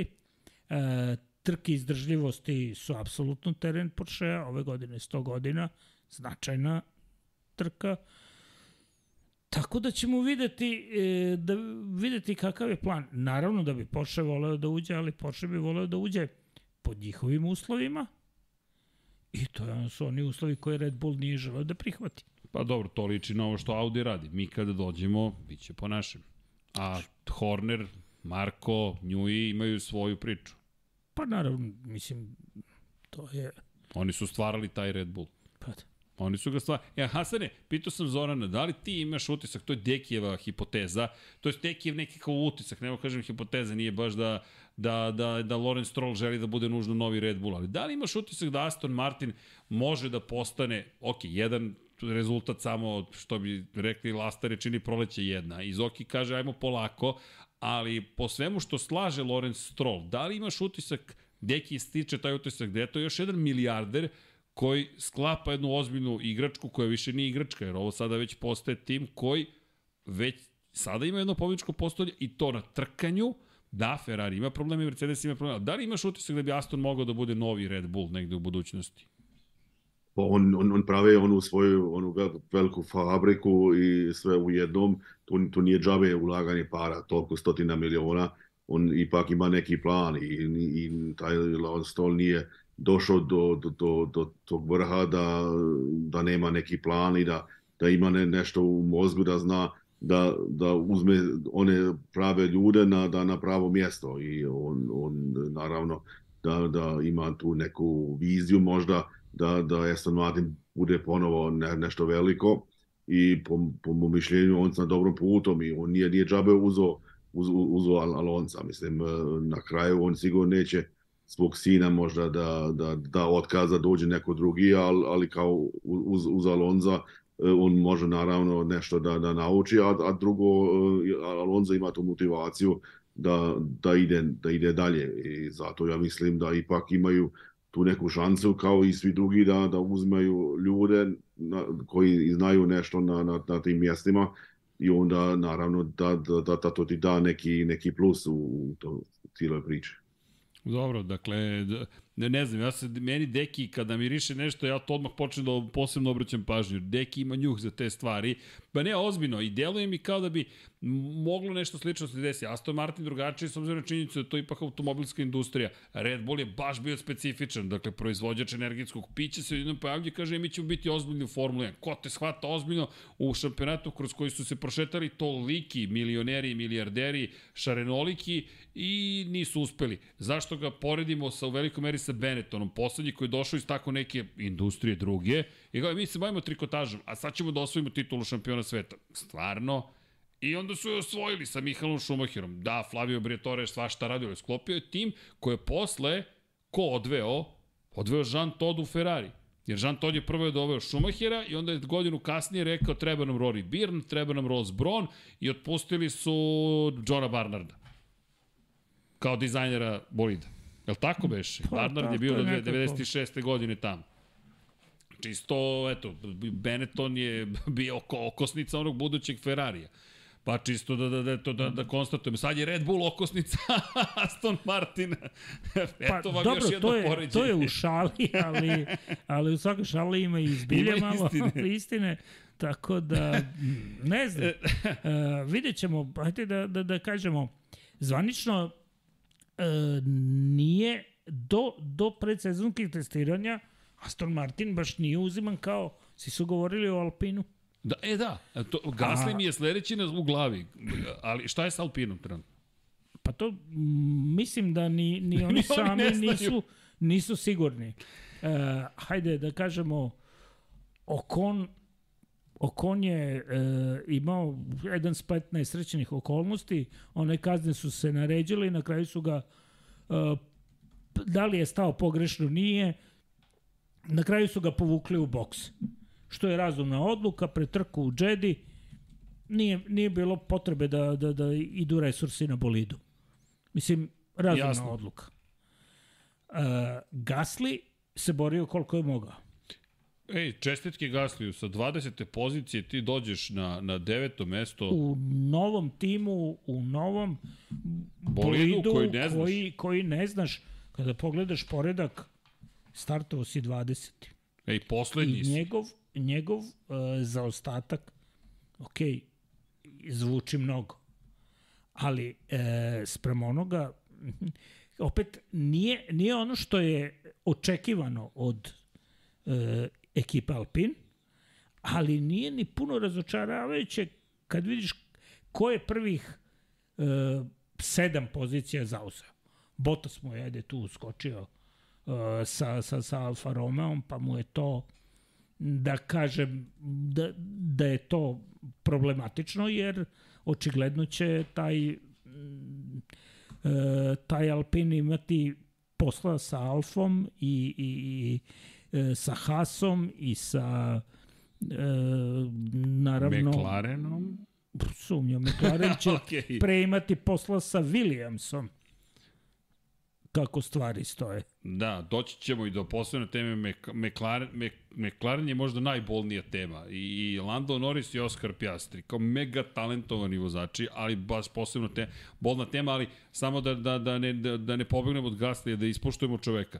I Alpi, ljudi, oni su, po ono što smo videli, napravili dosta tvrd bolid, nisu imali baš mnogo krugova u predsezonskim testiranjima, što kažeš, mi ne znamo gde smo, ali zaista bih da čestitam Pjeru Gasliju, svaka čast. Inače, ne znam da li imate, u sneg sam bacio strategije kako su izgledale. Da li znate Gaslijevu strategiju kako izgledala? Ja nisam uhvatio njegovu strategiju tokom trke. Gasli je ljudi imao tri stajanja.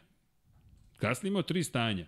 Albon je imao zapravo tri stajanja. Cunoda je imao tri stajanja. Sargent Magnussen. Dakle, mi govorimo o ekipi koja je Gasli konkretno nove meke gume, nove tvrde gume, nove tvrde gume, nove meke gume.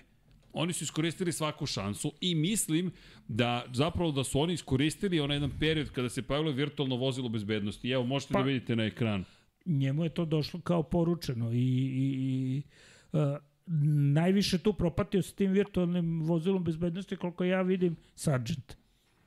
Da, Sargent koji zapravo, ajde da kažemo, je došao na svoje tvrde gume i prebacio se onda na meke. Ko zna da su ga ostavili... I da- onda je posle bio što bi ovi englezi rekli sitting duck Jeste. za sve ostale. I Cunoda je ovaj, tu, ajde da kažemo, ali dobro, Alfa Tauri je Alfa Tauri... i jedna druga priča opet. Jeste. I on bi tu trebao da bude, i Alfa Tauri bi trebala tu da bude ekipa, pa je o, sve krenulo sa prodajom, na prodaju je, nije prodaju, onda je Hoće Red u Bull Britaniju, neće u Britaniju. e, razjasnio neće biti prodaje i, i mislim da je ljudima laknulo.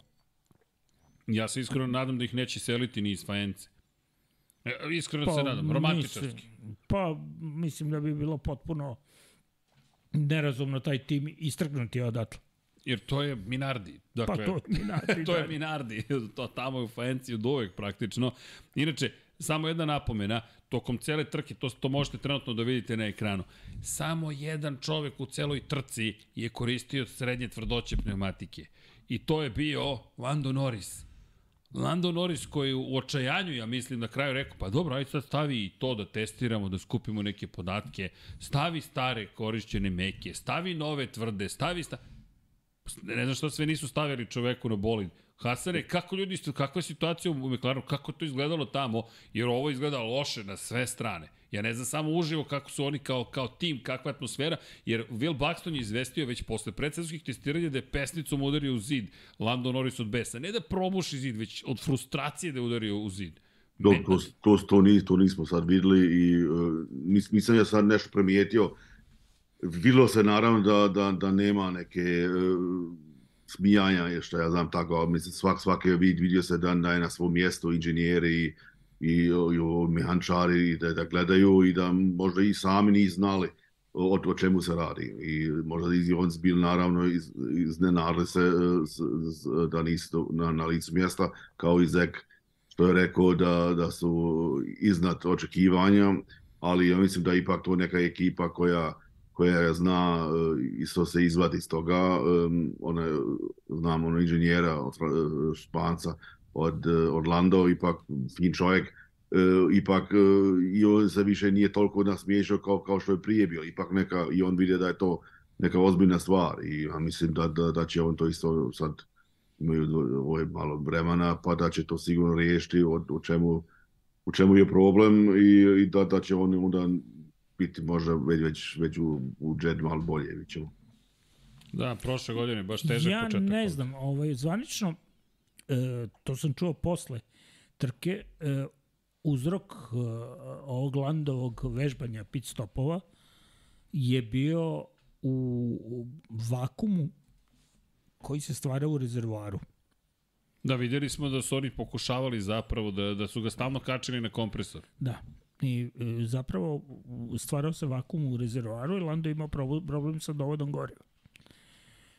A sad, e, da se vratimo na McLaren, prošle, pretprošle sezona, ali prošla sezona je indikativna sa novim bolidom. Ni sam Lando Norris nije bio siguran zašto je brzo u bolidu. Da, on je govorio, ne, ne, ne, ne razumem. Ne razumem, ali ovaj bolid ja koristim samo da mahnemo pozdrav i laka noć. I, i sam Lando Norris nije, bio, nije znao zašto je brz. Nije znao ni uh, Fer, nije znao ni Daniel Ricardo zašto je tako spor. I sada bi taj Daniel Ricardo bio dragocen, jer Oskar pa, Piastri, bez obzira koliko talentovan, ne može tu da pomogne. Sam Lando Norris, bojim se da ne može da iznese celu stvar i da ispravi. I tu je sada e, McLaren, mislim da tapka u mraku. Da vidiš, zanimljivo. Nije mi pao na pamet Daniel Ricardo, to je sjajno zapažanje. Jer Ricardo je iskusan, vozio je prošlogodišnji bolid, ko zna šta bi ti dao od podataka. Ko zna šta bi ti rekao u predsezoni. I pitanje je da li bi, da li bi on bio tako loš sa tim bolidom. Da, sad da li se okreće situacija. Ko zna kakvi su inputi e, dobijeni u međusezoni, čime su se vodili i na kraju šta su dobili kao krajnji rezultat. Jasno. Dobro, to ostaje pitanje što je Hasan rekao. Ajde imamo Saudijsku Arabiju, kako će tamo stvari da izgledaju. Jer prošle godine McLaren je išao gore-dole. U predsezoni u Barceloni super, loši u Bahreinu, loši u trci u Bahreinu, pa se onda poprave na sledećoj trci, pa onda ih nema, pa ih ima, pa ih i nema, pa ih ima. Baš je onako vrteška, propisna u, u ekipi McLarena. Makar je tako bilo prošle godine, ali meni i dalje je utisak zaista da Lando Norris pre svega već sada mora da pravi plan rezervni. Jer ajde, imam dva pitanja za vas. Šta sada za Charles Leclerc, ovo je peta godina u Ferrariju, i drugo šta za Lando Norrisa? George Russell i Mercedesu, ja mislim da je Mercedesu bolja pozicija nego, nego trenutno Leclerc u Ferrariju, ovo je druga sezona u Mercedesu, Lando je, oprostite, Land, ne Lando, Lando u McLarenu koji se muči, a Charles je u Ferrariju kome je, ljudi, pola decenije, sad će pola decenije. Da. Pa ja... Nema komentara. ne, teško. Ne, Evo, Hasane, izvoli. Hasare? Ne, ne, ne mislim teško, jer ja, Ferrari je, i, i drugi išli nakon 5 godina su ih otpustili i e, nisam dali šanse više da, da, da idu nek tako, a, a Šalis to mislim nije, nije ni bilo negde blizo da, da bude šampion i to, i to mislim je mislim veliki problem i ove godine kako izgleda možda isto neće i onda teško reći šta, on, šta će on misliti u, u Maranelu, šta, šta će sa ekipom. I gde, ali gde Charles može da ide posle ovoga? Gde se otvaraju da adekvatna vrata? Pa sigurno ne Alfa Romeo. Alfa Romeo ne, nazad možda, ne. Možda ali... za, za, za Pereza ići u Red Bull, to je jedino. Ali, ali, pa. zna, ali zna e, da, da je Max glavni i tu sigurno, ako je pametan, neće ići tu sigurno. Mislim, ne verujem da bi, da bi Red Bull voleo takav rivalitet. Verstappen, Leclerc u istoj ekipi. Ne, ne, ne, to, je, to, to, bi, to bi ipak isključio. Zato Eksplozija. Što da, da, zato što to neće biti. Tu, tu ne postoji, tu je ego kod obojice prevelik, a Mislim da uh, nema mesta za, za, za Francuza u, u Red Bullovim takvim projektima. Red Bull je, Max Verstappen je od početka projekat Helmuta Marka. I Max će se verovatno i penzionisati u, u, u Red Bullu. Dobro, oni imaju sada petogodišnji ugovor, manje više, on, on je do kada, do 2026. ili 7. je potpisao ugovor. Mislim da je čak 27. poslednja godina, da. Dok je, dok, do kraja 2027. I imaju klauzule, naravno, ima on klauzule Ima da, da jedna može druga da se slobodi. opcija, šta će Hamilton da radi? Zanimljivo. Šta će Hamilton da radi? To, jel ostaje sledeće godine, Toto Wolff kaže mi moramo ovom čoveku da napravimo boli da se bori za osmu titulu šampiona sveta. Pa to je istorije, Ali nemaju. Ne, ali da nemaju. Hasane, šta se priča u Nemačkoj? Ima nekih informacija iz te perspektive? Šta kažu? Ne, ne puno, mislim, bilo samo malo, malo priča da je, da, je- da je Hülkenberg sad tu, i, e, ali da, da Mercedes, i, mislim da, da isto na, na, na taj koncept je stvorio kao prošle godine, kao što sam sa Zoranom prič, pričao u, u, u, u Drive to Survive, kaže ti Toto Wolff, evo, uze, uzet ćemo sad ovaj primjerak i stavit ćemo je u, u, u, na, Stavit ćemo ga fabrike. na ulazna vrata fabrike. dačno i da, i da svak vidi ka, šta je to bilo, a i, i vraćaju se sa samo ofarbanom u, u crnom nazad, u isto. Pa to isto meni malo ne, ne, nesvatljivo. A motor radi. Motor je kod Aston Martina bio Pa. dovoljno dobar. To je, to je druga stvar, da, i mislim i Ferrari motor isto, isto normalno rade i u Haasu i tako, znaš, ali e, momentalno nema niko osim Red Bulla da, da bi isto recimo mo- mogao pru, pru, pružiti na Luisu neku šansu za, za osmu titlu. Što se opet neće desiti. Tačno, to na, isto neće, da dok je Max tu, nema tu ništa. Max je tu glavni, to, to se neće biti pomeranja. I Pa, šta o- onda sa Hamiltonom? on drži, pa mislim da ni Hamilton ne bi, ne bi se pomerao nigde. A Njegovi svi uspesi su vezani za Mercedes. Kao McLaren, Mercedes ili Mercedes? Mercedes. Da. I on je, i on je Mercedesov čovek. Nije, čak jedan Schumacher je tu bilo odstupanje. Ali ovaj mislim da Hamilton prvo duboko je svestan prelazak u Ferrari iako bi Ferrari to Ali šta menja? ne bi ne bi mnogo dobio da, da, da se rotiraju u, u timu, znači što je jedna od kombinacija koje e, ne nemoguća. Znači Hamilton Da Hamilton i, ode u Ferrari, a Leclerc ode u Mercedes. U Mercedes. Wow! Ali- Ali... Leclerc i Russell u Mercedesu. To bi jedan problem bio, znači dva relativno mlađa vozača, gde bi svako želeo da se dokazuje, koji bi rešio problem e, sa jedne strane u Ferrariju, znači ono, okej. a, da, ali je bi napravio, ali bi napravio drugi. Pa dobro, jer, ali Ferrari je bi imao probleme sa sponzorima onda, ko drži novac.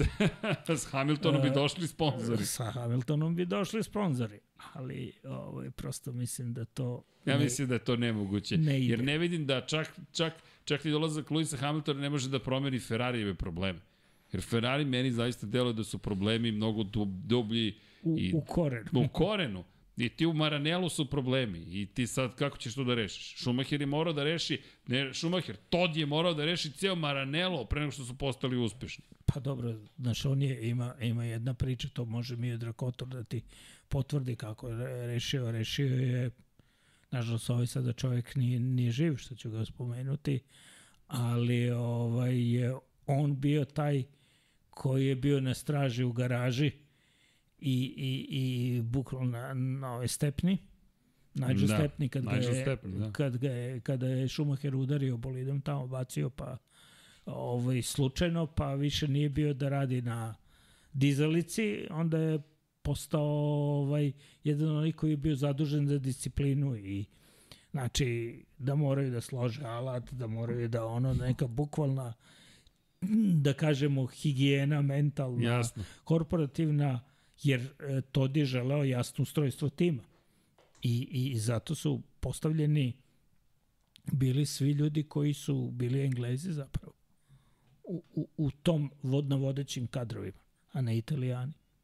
Da, to je, to je Miodrag i pri- pričao prošle godine, pred, sad već godinu i po, da oni su zapravo i kada su odlazili iz Ferrarija uvedena italijanista filozofija, da se vrate svi italijani na vodeće pozicije. I eto, I, i eto, tu smo, vratili tu, su se. tu smo gde smo. Da, da, da, Ferrari koji da. Da, vrati smo se mi na Ferrari, ali vidi, baš je drama za Ferrari. I ono što je Paja lepo rekao u prenosu, Hajde što ste odustali. Da ste se borili za prvu poziciju. Pa je to bitka. Pa kao prošle godine Verstappen, odustaje u momentu kada se boriš za poziciju. Ne, ti odustaješ u momentu kada si ti i relevantan u toj trci u kontekstu bitke za pobedu. Ti si negde daleko možda da se nadaš nečemu ako se desi vozilo bezbednosti. Možda. Pa nisu, oni su odustali još u kvalifikacijama. Pa odustali su, to mene nervira. Izvini, a meni je to katastrofa. Kako ti planiraš da pobediš svetskog šampiona i šampionsku ekipu ako ti kažeš na početku sezone, u prvim kvalifikacijama, i znaš šta mi odustajemo od ovoga? Pa ne možeš da odustaneš. Ne možeš da odustaneš, Bar ne je stav javno. Pa bar ne javno. Izađi na stazu, ne znam, osvoji tu pol poziciju, izgubi trku, ako već znaš da si izgubio. Šta, za šta se boriš? Ne razumem. Šta? Koji je, koji je cilj u, u celoj priči? Ne možeš ti da izađeš, a svi vidimo prenos, ja sam bio u šoku. U šoku potpunom i kao, a ne mora da je kvar, jer ne mogu da verujem da su odustali. Ne, ne, to nam je plan, čuvamo gume. Za šta čuvate tačno gume? Da budete drugi. Treći. Treći, tako je, još i to onda. Možemo da vidimo ponovo Pirelijeve e, zamene guma. E, Izvini, ali jače od mene. Me, me, me, ne znam, najtra, najveća tragedija cele priče, mi nećemo ni pričati o Maxu Verstappenu. Ne znam šta bismo rekli. Šta, odvezao je briljantno. Pol poziciju u bolidu koji je napravljen za trkanje, ne za kvalifikacije i pobeda gde ga niko nije ni video tokom cele trke. Pa dobro, prva pobeda u Bahreinu. I prva pobjeda bravo u Bahreinu. Da, Red Bull od Fetela nije pobedio u Bahreinu, je li tako? Ne. Da. Tako? Da, da. Nije imao pobedu. Red Bull nije imao pobedu u Bahreinu. Uopšte. Ja nešto ne mogu da se setim. Čekaj, sad si mi Ali zbunio. dozvoljavam da... Ne, ne, ne, ne, mogu ti kažem na pamet. Imam nešto mi u glavi da je... Mm, Kako god. Kako god, ne, ne, sad čekaj. Verstappen je odvezao onako kako je želeo. I kako je mogao. Da, evo, izvini, 10 godina od Fetel. Fetel 2012. i 13. Ali 10 godina je prošlo. Pa dobro. Mercedes, Mercedes, Mercedes, Ferrari, Ferrari, Mercedes, Mercedes, Mercedes, Ferrari. E, samo tada Bahrein nije bio prva trka u sezoni. Nije, nije. Nije bio prva trka sezone. I To je, to je jedna velika razlika.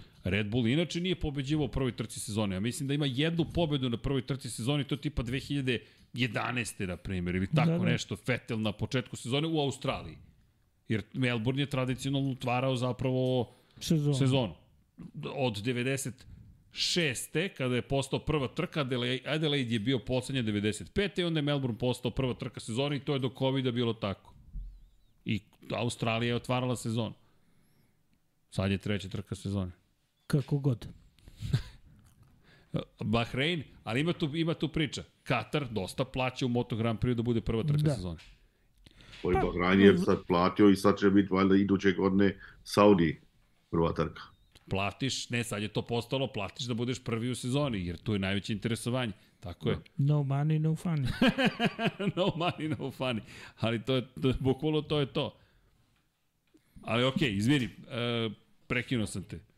Ne, prosto hteo sam samo da, da kažem da ovaj mi nemamo šta da kažemo posebno o Verstappenu, on je sve i rekao na stazi. Mislim, i u kvalifikacijama i u, stazni, i, i, u, i u trci videlo se da je to potpuno jedan nacionalan pristup. Ono, vozim koliko mogu, koliko je Neophodno. potrebno i, Da. pre, i preko mogućnosti, bez obzira koliko to se ne dopadalo inženjerima, on je vozio rasterećeno, nikoga jurio nije, nikakav pritisak nije imao, tako da nije nije to uh, nije to bilo neočekivano. Ako se vratimo na ono pa kažemo sad Red Bull je krio, krio formu. Problem je što su ostali slabiji od onog što se očekivalo. To je problem. Znači i nema uh, Aston Martin je zamešao karte Alpin nije znači četvrti nego Nije. peti Pitanje je da li je Mercedes, Mercedes sigurno nije treći po snazi, a pitanje je da li je Ferrari drugi. Ako sada analiziramo sve, vidjet ćemo u da, Jedi. da, da, ej, vidi, Aston Martin ima lepu šansu da tu stvarno... E onda, onda, od, od, onda dolazi grupa ono na Alpin, uh, Alfa Romeo, Pa ne možemo da kažemo Alfa Tauri. Ja mislim da su Alfa Tauri- Tauri, Haas, McLaren, Williams Haas sada je, do... Ne, ne, Haas je, Haas je u ovoj grupi ko, da se bori sa Alpin. Evo neka kaže i Haasa. I, i, i ovaj e, e, i Hulkenberg i, i, i Magnussen mislim da deluju dosta dobro u tom bolidu. A Kakva je priča oko Hulka? On se sad vratio na stazu u Nemačkoj. Je li bilo uzbuđenja, je bilo priče o tome? On bi bilo je naravno neki, neki vijesti, ali in- interes više on nije tako kak, kak, kako je to bilo i mislim da ne znam hoće li biti nešto na, na televiziju, na, na Free TV, ja mislim da neće ove godine, ali um, on nije, nije to to više, I, ali Hülkenberg dobro, fin dečko, ipak nadam se zna vosti i bio dobro u kvalifikacijama. Inako, I ali, fine, fin novac je doneo. To da, naravno da, i to, E i da, to je važno. to... To, to, on ranije nije baš uspevao da donese novac, sada Da, i zato bio problem, da, situacija. da, da. I nije nikad vidio, nije vozio u nekim velikom timama, nek, uvijek u nekim srednjim. Zašto nije, nije imao novca. Renault mu je bio najzvučniji, da kažemo... Sada, je- sada je dobio, dobio novac, ali više su zaključana bila vrata nekih boljih timova. Haas ima neko opterećenje u odnosu na... Mislim, kompletan koncept Haasa, Eugena Haasa kao, kao vlasnika tima je dobar. Znači, neću ja puno ovaj, da ulažem, kupit ću ono što mogu. Sad je e, uspeo i da nabavi spon, da vozači nabave sponzore, da mu plate. E, podigli su se, da kažem, cene uloga time što Formula 1 je zatvorena za druge timove. Andreti pokušava kopa i rukama i nogama da bi, Cadillac. da, da uđe.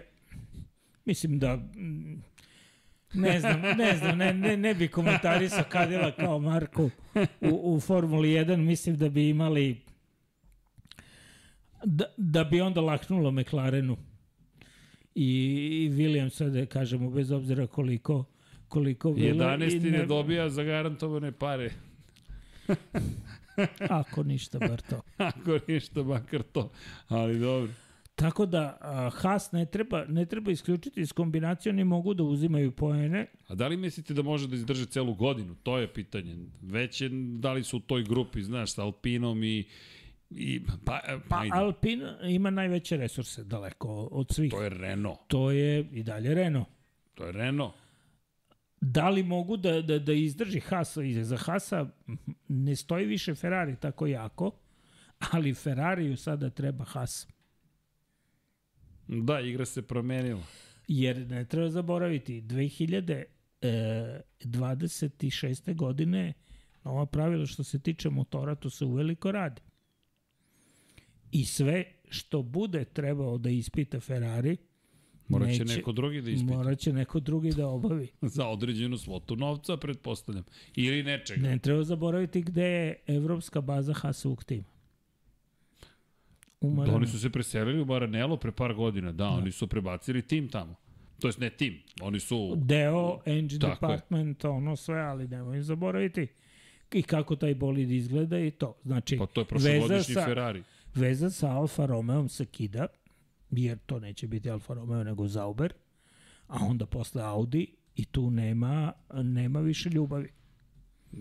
no, dobro, ali vidi, Alfa Romeo odlazi, dakle Ferrari neće više imati Zauber, dakle kao što si rekao, to je, ne, nema, nema tu šta, ostaje ti Haas na koji moraš da se dakle osloniš i onda ti poboljšava se pozicije koje oni imaju. Ali McLaren sada, šta ćemo sa Hondom?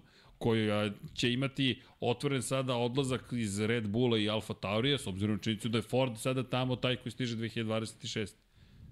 Onda je sama sebi dovela u tu situaciju. E, Apsolutno, Honda koja je rekla, e, hoćemo, nećemo, hoćemo, nećemo, standardno. I šta je sad opcija? Opcija je povratak u McLaren. Pa da.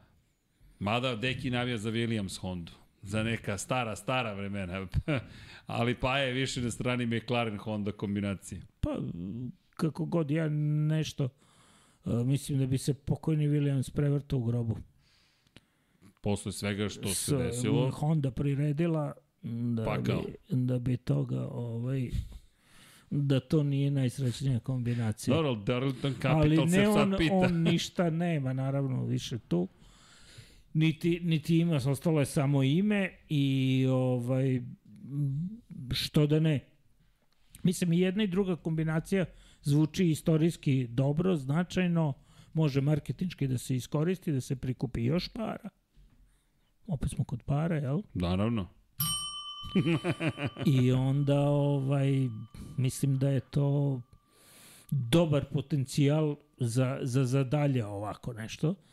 Ali da li je, da li je ovaj McLaren, da, da li je McLaren sada spreman za novu promenu, za, za, za nešto gde više oni ni ne znaju u ovoj sezoni šta će biti. Ako izgube još jedno, dve sezone otići i sponsor. Tamo su malo našarali bolid. Pa da, ali, ali šta ti možeš u ovoj situaciji trenutnoj? Ti kažeš, oni kažu promašili smo koncept. Zajdel ti je otišao, Andreja Stella je tu. Ok, kakav je Andreja Stella kao šef ekipe? Se on uklapa u tu ulogu. Andreja Stella koji se prošetao, koji je došao, meni on ne deluje kao čovek koji treba bude šef ekipe. To je samo moj utisak, ali Andreja Stella je bio trkački inženjer.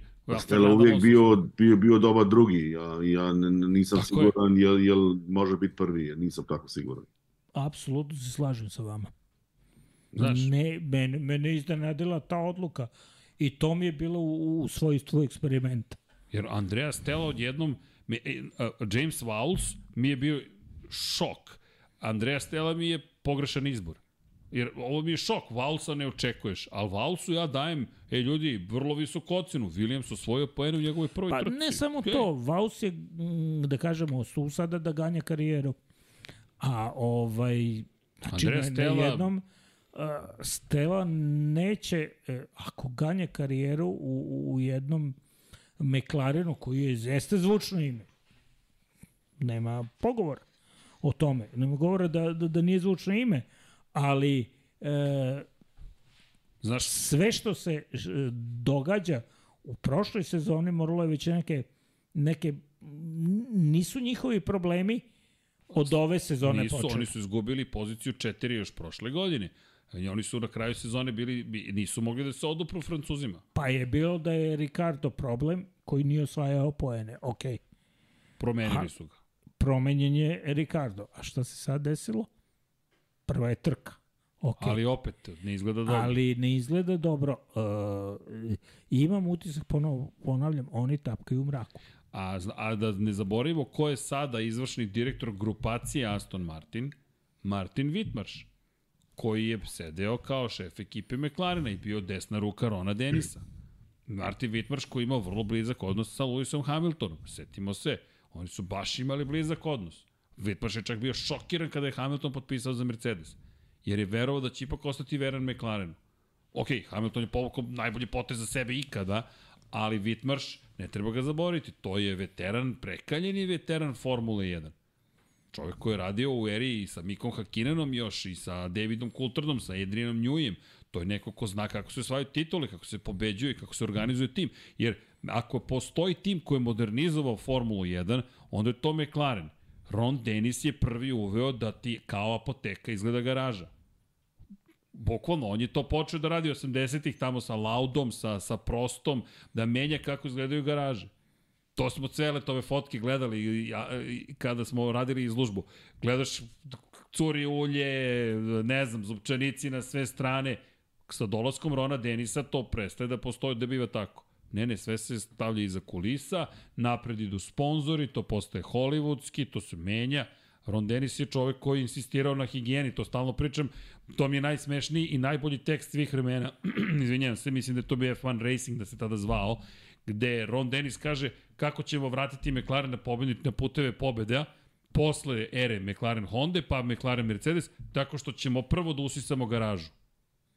I on sa usisivačem na fotografiji. Kaže, prvo mora da bude, malo pre šta si rekao za Šumahira, higijena, kultura i tako dalje u garaži. Ron Dennis koji kaže ne, mora da bude usisana garaža. A Whitmarsh iz te generacije, oni su pravili zajedno McLaren Technology Center. MTC čuveni. Jeste, samo problem je što je takvih ljudi malo u Formuli 1. Sada dolaze neki tehnomenedžeri koji pogledaju u Excelu u dobrom izgledaju podaci. Sjajno. I onda, I onda šta imamo? Dobro, to je taj čuvena umetnost kako upravljati ljudima. da, ne, jer ljudi su na kraju ti, moraš da imaš ljude. I da znaš slažem. kako s ljudima. Izvini. Slažem se, slažem se. Ne, ne ja ništa protiv, ali uh, jedno je šta Excel pokazuje, drugo je šta se dešava ovaj, u stvarnom životu. Ljudi. I mislim da su ovi kompjuterski rezultati povukli McLaren upravo u taj znamo šta radimo, imamo sve, ovaj, ne, nije bitno ko će da upravlja, jer može, može, Andreja Stella, nema problema. Ne ide to tako. Pa, onda, pa evo ti ga Matija Binoto. Matija Binoto nije mogu da reši ljude. Nije imao problem onda napravi mašine. Ali mašine drugačije funkcionišu od Pa ljudi. ne može inženjer da bude na, na toj poziciji, menadžer, to uh, znači ko je tehnokrata uh, razume o čemu je reč. Uh, znači, onaj ko vozi, vodi tim, taj mora da, da, da, da zna sa ljudima. On, e, ja mislim, sad, evo, pokušajmo ovako, Adriana Njuija da stavimo na mesto Kristjana Hornera. Ne ide. Ne ide. Da, ne, to bi se raspalo, ja mislim. Ja mislim da Njuje ne želi takvu ulogu, ja, mi, ali to ne bi funkcionisalo. Kako McLaren je imao problem e, sa ovde spomenutim Ronom Denisom. On je bio taj koji je e, stalno ga je trebalo odvući od njegove primarne. On je između ostalog bio, o, bio mehaničar. E, on je hteo da, da, da, da pa mislim, znaš, od, od, od Ron Dennis je počeo kao mehaničar, ne znam da li to znaš, bio je kod Jackie X. Da, da. Znači, njego, njegovi koreni su, i on je prevashodno mehaničar. E sad, kako je došao u poziciju da upravlja timom, on i dalje nije mogao da odmasti ruke. I, i stalno je voleo da, da se petlja po garaži. I to je, to je bilo, ali čuvene su njegove kad je sekao Seni skalpelom u Doningtonu u oči starta, znači da bi se kočnice bolje, bolje hladile i omogućio mu onu superiornu pobedu. I, i on je čovek koji je e, znači želeo e, uvek želeo da bude prisutan tu u garaži, a više ga je zamaralo da, da, da vodi onaj deo priče korporativni koji je prepuštao u McLaren Mercedesu Norbertu Haugu. A Norbert Haug je glavni odgovorni, bivši glavni odgovorni urednik automotorun športa, čovek iz ove branše koji je postao Mercedes Motorsport šef i tu se dobro snašao. Ali on nije inženjer. Da, dobro, Norbert Haug je čuvena, je legenda zapravo od tog perioda kada su se srebrne strele vratile kroz McLaren Mercedes.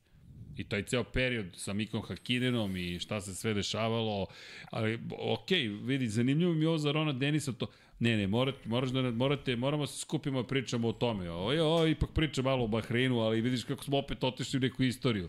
I ima tu zanimljivih stvari, mada ako pro, a pročitali ste, verujem, klub Pirana, hvala, klub Pirana, svi su oni bili vrlo sposobni da, mada, tu su, tu mislim da, da, da je tu pala ozbiljna promjena, slažem se s tom hipotezom, kada su oteli Jordanu zapravo Mihaela Šumahera, tad koliko i odnosi u Formuli 1. Džentlmenski sporazumi, čekaj polako, mada i ranije nisu baš bili toliko džentlmenski, ali to je sve okej. Okay sve je deo zabave. Nego ljudi, hoće biti, šta ćemo sad u Saudijskoj Arabiji? Ajde, najavljivat ćemo sledeće nedelje, ali Bahrein, otisak posle svega, da, da, da, mislim da smo sve spomenuli, sve timove, ima tu puno da se analizira, bavit ćemo se mi tehničkom analizom, šta, zašto, kako, koje, šta, smo, šta je to što se uočilo, kako je Red Bull uspeo, i Red Bull je opet napredovao mnogo. Jer ako pogledamo komparativnu analizu odnosu na rezultate prošle godine, od vodećih timova Red Bull je najviše napredovao. Red Bull je najviše napredovao u kvalifikacijama. Ne znam, Williams je napredovao... Dobro, uh, pazi, nije napredovao toliko Red Bull koliko je Ferrari nazadovao. I ali... U kvalifikacijama Ferrari je najviše izgubio. Tu je već od polovine prošle sezone, tu je kritično za Ferrari. Ali pričamo ovde o, o, o rezultatima u kontekstu brzine. Znaš, Ferrari je brži nego što je bio prošle godine u Bahreinu, kad pogledamo rezultate. Samo što je Red Bull mnogo brži od toga. Jer prošle godine pol pozicija Leclerc je bila 1.30,558. Ferrari je našao pola sekunde, ali je Max Verstappen našao skoro ceo sekund. U, u odnosu na testiranja prošlogodišnje u Bahreinu, najviše napredovo Williams. Da, Williams, Pa ne Aston Martin. dve sekunde. Ne, ne, Aston Martin je dve sekunde I napredovao, Williams je isto dve sekunde, dve sekunde, da. i Alfa Romeo. I Mercedes je napredovao. Se ne laže. Jeste, svi ne, ali ka, i Ferrari je napredovao, ali najmanje od svih. A ne, e, znaš koji je tim najmanje napredovao? Alpina. Poređenju sa, sa, sa test. I zato su oni i najveća enigma. Alpin je Alpin i, i Haas su realno zabeležili najmanji napredak u odnosu na testiranja prošlogodišnja i ova sad. Ali testiranje su jedno, a trke su drugo. I sad, koliko će ta prednost koja je, ne znam, postignuta, moći da se pretoči u neku realnu, realnu, da kažem, vrednost, to je pitanje. Znaš, mislim, to je, to je po meni suština. Evo još jedna stvar, dakle, za, za prošlu godinu, čisto poređenja Da. radi, između ove i prošle godine. Trka, dakle, trka u kojoj su se Leclerc i Verstappen baš ozbiljno trkali. Sat 37 minuta, 33 sekunde. To je prošla Da. godina. Ove godine, dakle, uz ovo opuštanje Maxa Sat Verstappen, 33, 5-6, da. 5, 6, 7, 3, 8. Da, dakle, 4 minute brža trka zapravo u odnosu na prošlu godinu. Malo manje od 4 minute, 3,5 minuta. malo Računaj e, virtualni safety car. Da, virtualni safety car, i smo prošle godine imali safety car, Ja sad nešto ne znam. nisam siguran. Sad ne, Nisam, Tako? ne znam, nije baš. Ne, ima je Pierre Gasly kad mu otkazao Bori, da, da, Gasly, Gasly, evo Da. da. dobacuju. Dakle, imali smo, ali to, to je to manje više. pa nije ovo je godine kraće. Kraće je ovaj i virtualni u odnosu na safety car je Ali Manje. smo imali safety car prošle godine ili safety, safety, e onda je to to. Ne znam, ali kako god. Mislim da, da, da sezona je počela tako kako je počela. Saudijska Arabija će dati neke odgovore, Dobro. dati mnogo više odgovora i tada ćemo znati e, ali pravo, pravo stanje stvari u ovom slučaju bi moglo da se zna tek u, u nakon Bakua. Uh, Baku, znači moramo da čekamo. Čekaj, ovde mi Ferarijevci očajavaju. Hvataju se za. E, ja ne, mislim stvarno da nije to, to sve toliko tragično. Zna, uh, kritiko, ja, ja imam problem sa Ferrarijem jer mislim da jer mislim da do sebe dovodi u poziciju iz koje ne mogu da se izvuku. Jer ako ti izgubiš kontakt na početku sezone, ja nisam siguran da Ferrari to može da okrene. Ti si rekao na početku, ajde da vidimo Red Bull, da li će se odraziti na Red Bull na kraju sledeće, da li će ove godine moći da nastavi razvoj koji je imao prošle godine. Samo jedna, za mene, moje mišljenje samo, mislim da je ovo bitan moment. Dakle, Max Verstappen u ovom trenutku ima 25 pojena prednosti u odnosu na Charles Leclerc. Neću gledati Pereza, neću gledati Alonso, još uvek ja i dalje mislim da je Charles Leclerc najveći protiv kandidat Maxa Verstappena. To je, ne znam da li se slažete, ali to je moje mišljenje. Ja zaista mislim da je on taj koji može da vozački Pa pruži jest. otpor. Prošle godine, Max Verstappen, dakle, posle velike nagrade Francuske, je imao 63 poena prednosti. Vratit ću se trku pre toga, to je velika nagrada Austrije kada je pobedio Charles Leclerc, poslednja pobeda Charles Leclerca. Stanje na tabeli je bilo sledeće. Max Verstappen 208 poena, Charles Leclerc 170. Dakle, mi smo sada, kada je reč o odnosu između njihovih poena, tamo gde smo bili na polovini prošle godine. A od te polovine prošle godine, Verstappen je zabeležio do kraja sezone 8 pobjeda u 9 trka. Ne, nije, grešim. Imao je 9 pobjeda u 11 trka. 9 pobjeda u 11 trka. Kako god i koliko. Bio je uh, sedmo, jedno sedmo mesto i jedno... Sedmo u Singapuru i i, Brazilu. Brazil, ne sećam se koji je bio. Peti? Pa, da, Ili- ono, ono kad nije Ne, dao- šesti. Šest. Šest, kad nije dao šesto mesto Perezu. da, kad je rekao, ne dam. Da, dobro. Ja, to što mu nije dao mesto? Jel se zna? Jel stvarno Monako u pitanju? Monako. Monako, dobro. Jer to je ono što smo do sada načuli, aj tako da kažemo. Ali samo da konstatujemo, od Leclerca koji ima 46 pojena prednosti, do toga da smo mi sada na velikoj nagradi Austrije prošle godine. Pa mislim da je situacija neuporediva u odnosu na, na prošlu godinu. Ako uzmemo da je ovo prošlogodišnji bolid Red Bulla, mislim ono, Okej. da, i sad vidimo da je ovo novi Ferrari koji koji je Dobro, malo je sa starom ekipom. Još nismo videli to da li će Leclerc morati da vozi i protiv ekipe i Sainz. Ma vidi, Leclerc, Mislim, pro, protiv odluka. a tek to, vidi, mene boli glava od ponavljanja toga, iskreno. Pa, to Jer mi se vraćamo je stalno ono. na istu priču. Znaš, Leclerc, a pazi sad Leclerc, dakle, Leclerc počinje drugu o, u najdužoj sezoni u istoriji.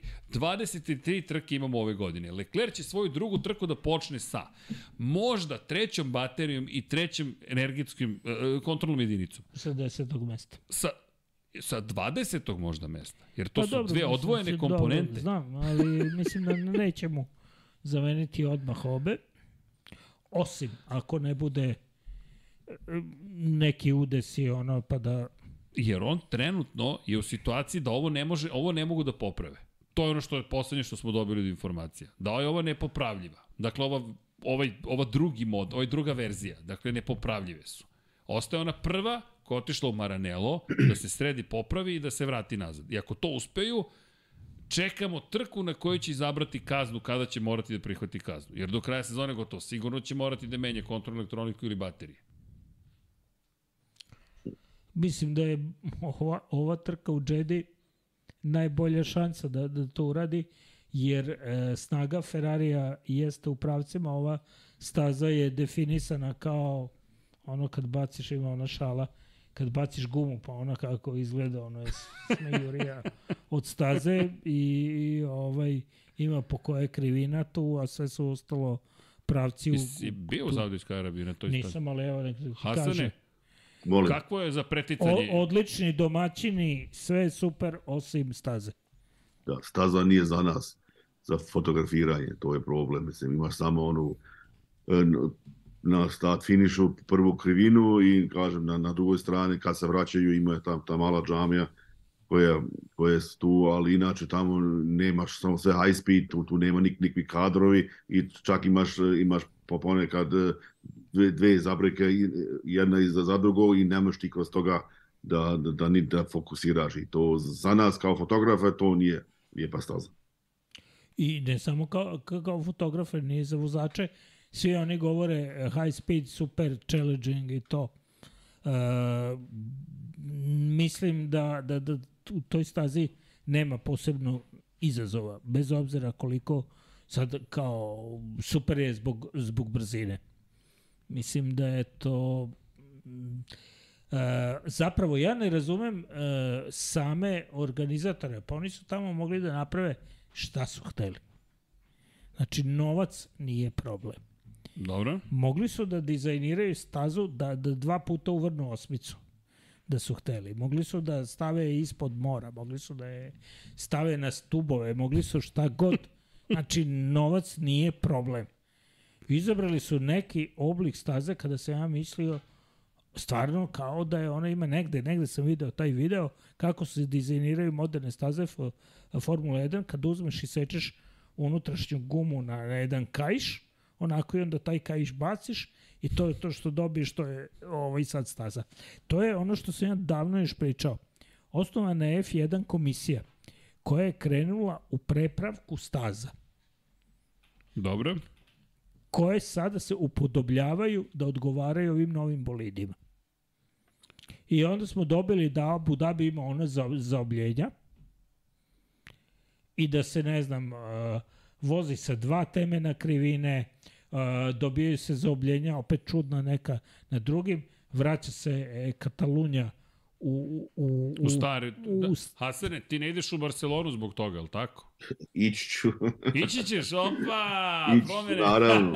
ali, ali šteta, ali šteta zbog, zbog ti kadrova koji neće više biti. Jer, da, da, evo, za one koji ne znaju, Hasan, ajde objasni nam, zašto je tebi ta šikana bila važna, a vraća se zapravo visoke brzine, zapravo ona krivina koju koriste u Moto Grand Prix.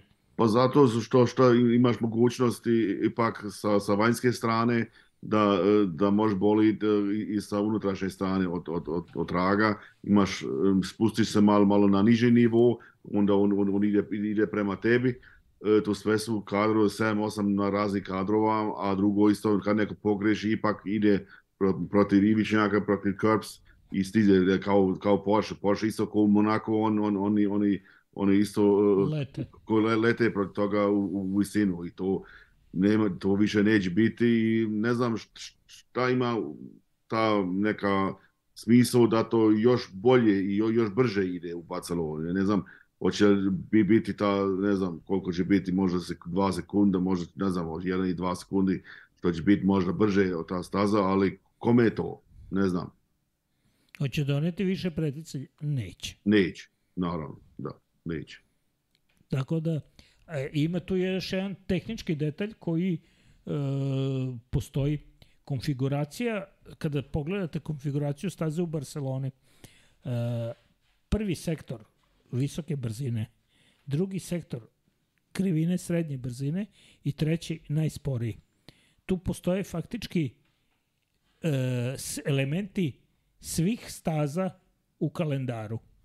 I ko je tu brz, zna se da ima dobar bolid. To je ono Sada izbacujemo onaj Spor, spor, deo staze, tako je. Mi smo Barcelonu baš zato i voleli jer ti daje vrlo jasne informacije o tome gde šta sada češ, toga, očekuješ. sada toga neće biti. A mi smo na osnovu tog sektora broj 3 računali na to da će Ferrari biti brzo u Baku, na primjer. Ne, ako se sećate pol pozicije u Baku na sredini, u Monaku takođe, Mađarskoj, ti, ti to koristiš i kaže, aha, promene smera kretanja pri niskim brzinama dobro idu Ferrari jer je u trećem sektoru u Barceloni, jer mi smo tu imali Uh, pro, pro, promenjen je čak i deseta krivina, malo je, malo je promenjen luk desete krivine, ali gore na vrhu brda, znate i sami, kad se spuštaš pa u levo, pa se penje gore na desno, pa onda se spušta, pa šikana, pa izlaz, pa smo znali.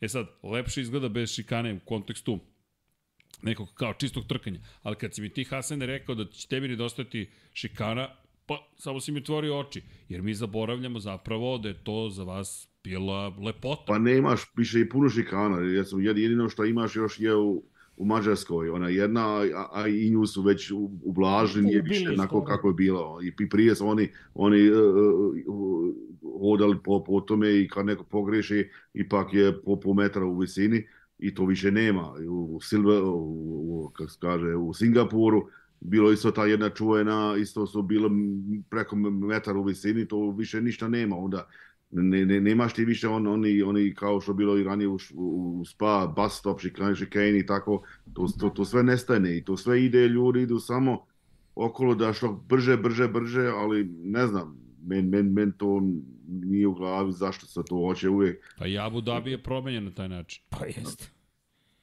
ne znam, Ubrzanje. to, Problem, je, problem je što su ne samo u, u stazama, problem je u bolidima. Ovi bolidi su kao kamioni. Ogromni su. Veliki, nezgrapni i oni jesu brzi.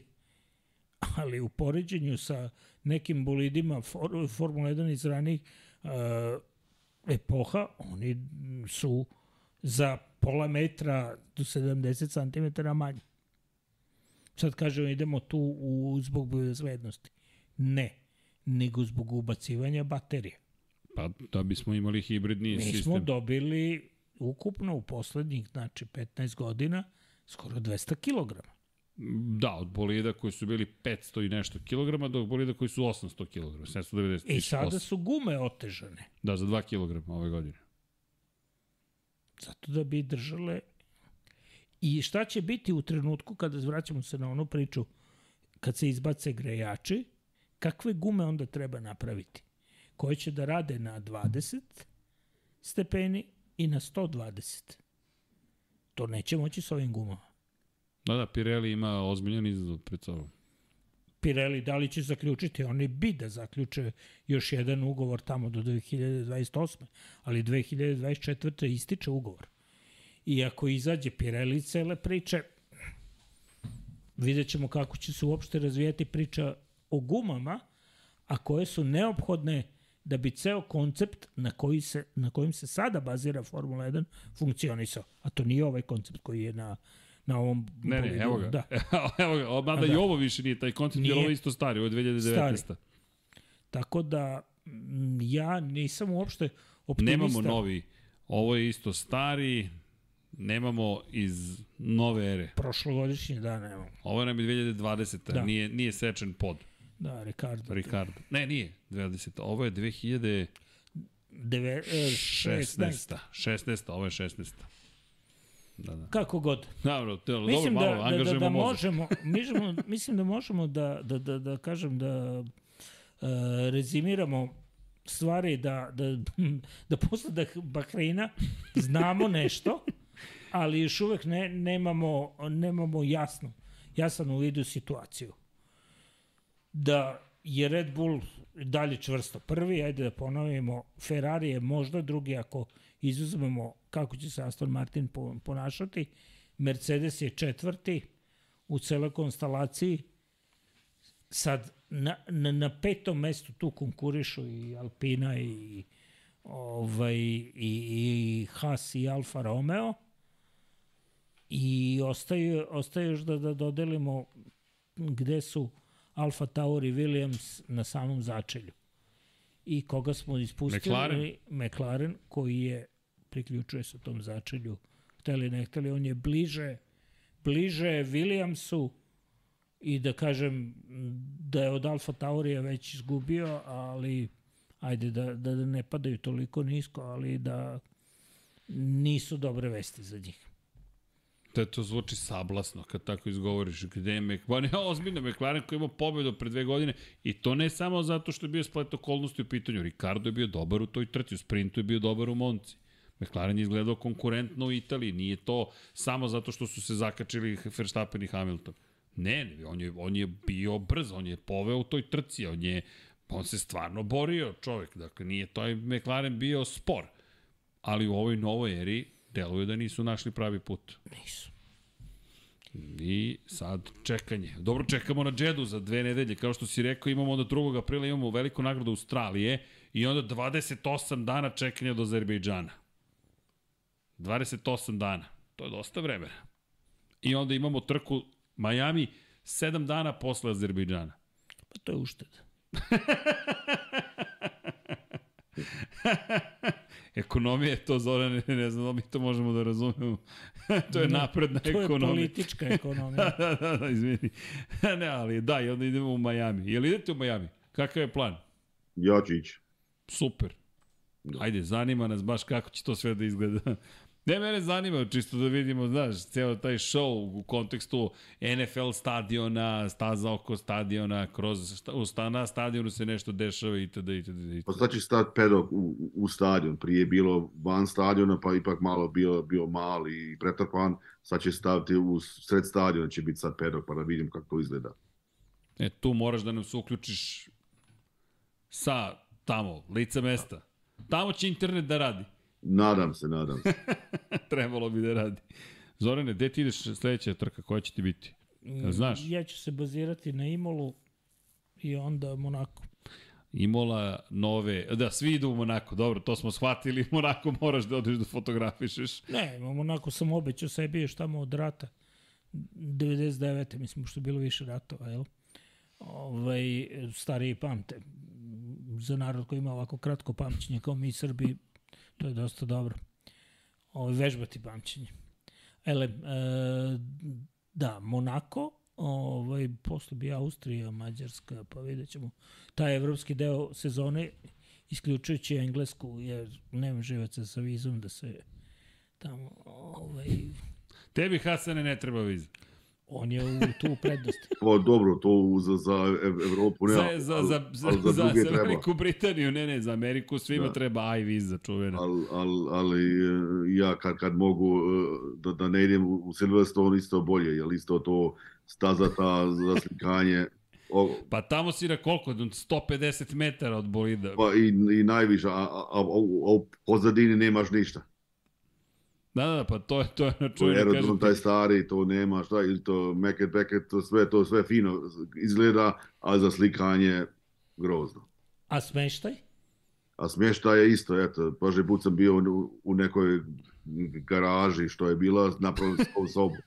I skupo, ogromno i, i zagaže. Niti nit oni znaju prav, prav jelo kako treba, niti imaju pivo kako, kako Ako treba. ništa, htio to, sam da kažem, hrana je bar dobra. to nema, to nema nikakvih razloga fish and chips da se ode u Englesku. Kakva promocija velike nagrade Velike Britanije. Lord Sandwich. Home, home of motorsport i nešto, ali za mene, za mene nije. Ne, ja ne volim otići tamo. A, dobro, dakle, da, da, gledam Zoranov osmeh kad ide smešta i hrana. Pa pričali smo o tome pa zato, da. Gužve. Andrej će ići izgleda tamo, ali mislim ja, mislim ja da ja neću. dobro. Dakle, dobro, Imola. Imola gde ćemo vidjeti nove gume za kišu. I naravno razvijaju aerodinamičke dodatke da se smanji Da. da. količina vode koja se izbacuje. Da. Uh, to sam tek video, I- pa dobro, na kraju šta će, ovaj, Blatobrani.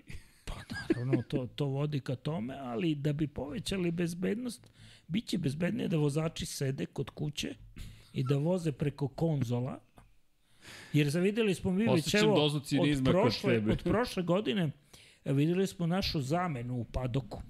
Vašu zamenu u Pa, padoku. u- u novinara i svih ovih, ne znam da li si to... A, robot. Pusnik, on robote kao, kao gledavac su na tom, na tom monitoru i, i, i oni vodaju sa, sam za sebom i, i, i, i vozači go- govore sa njima onda, a, a, čo, a on, oni sjede kod kuće.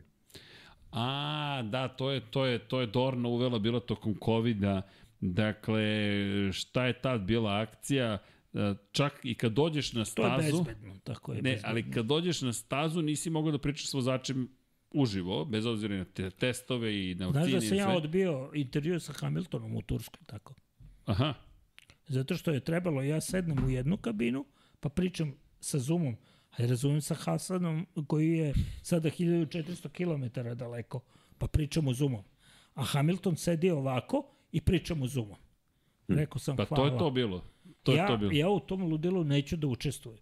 U fabrikovanim glupostima, tim nošenjima Ali- maski i, i maskaradama, Kaže ti, obožavam kad Zoran dođe, znam da će biti, o, da će uvek biti edgy, što kažu, ali ima jedna bitna stvar. Uh, ne osporam i po- poštujem pravo svakog čoveka, dakle, da bira kako će. naravno. Ono što je mene iznerviralo jeste upravo to, iskreno, dakle ne ulazimo u- diskusiju o maskama, ulazimo u to da mi smo svi iskontrolisani, provereni, vakcinisani, ne znam šta sve. Dakle, nemamo virus, sedimo i sad na prvom spratu je medijski centar, vozeći ispod nas, mi ga vidimo kroz prozor, ali smo na Zoomu. I ja kažem ljudi, čekajte, Pretjeriva to, da. To je, postoji granica u kojem, u kojem momentu kažemo stanite, čekajte, ovo više sad vi gubi svaki smisao.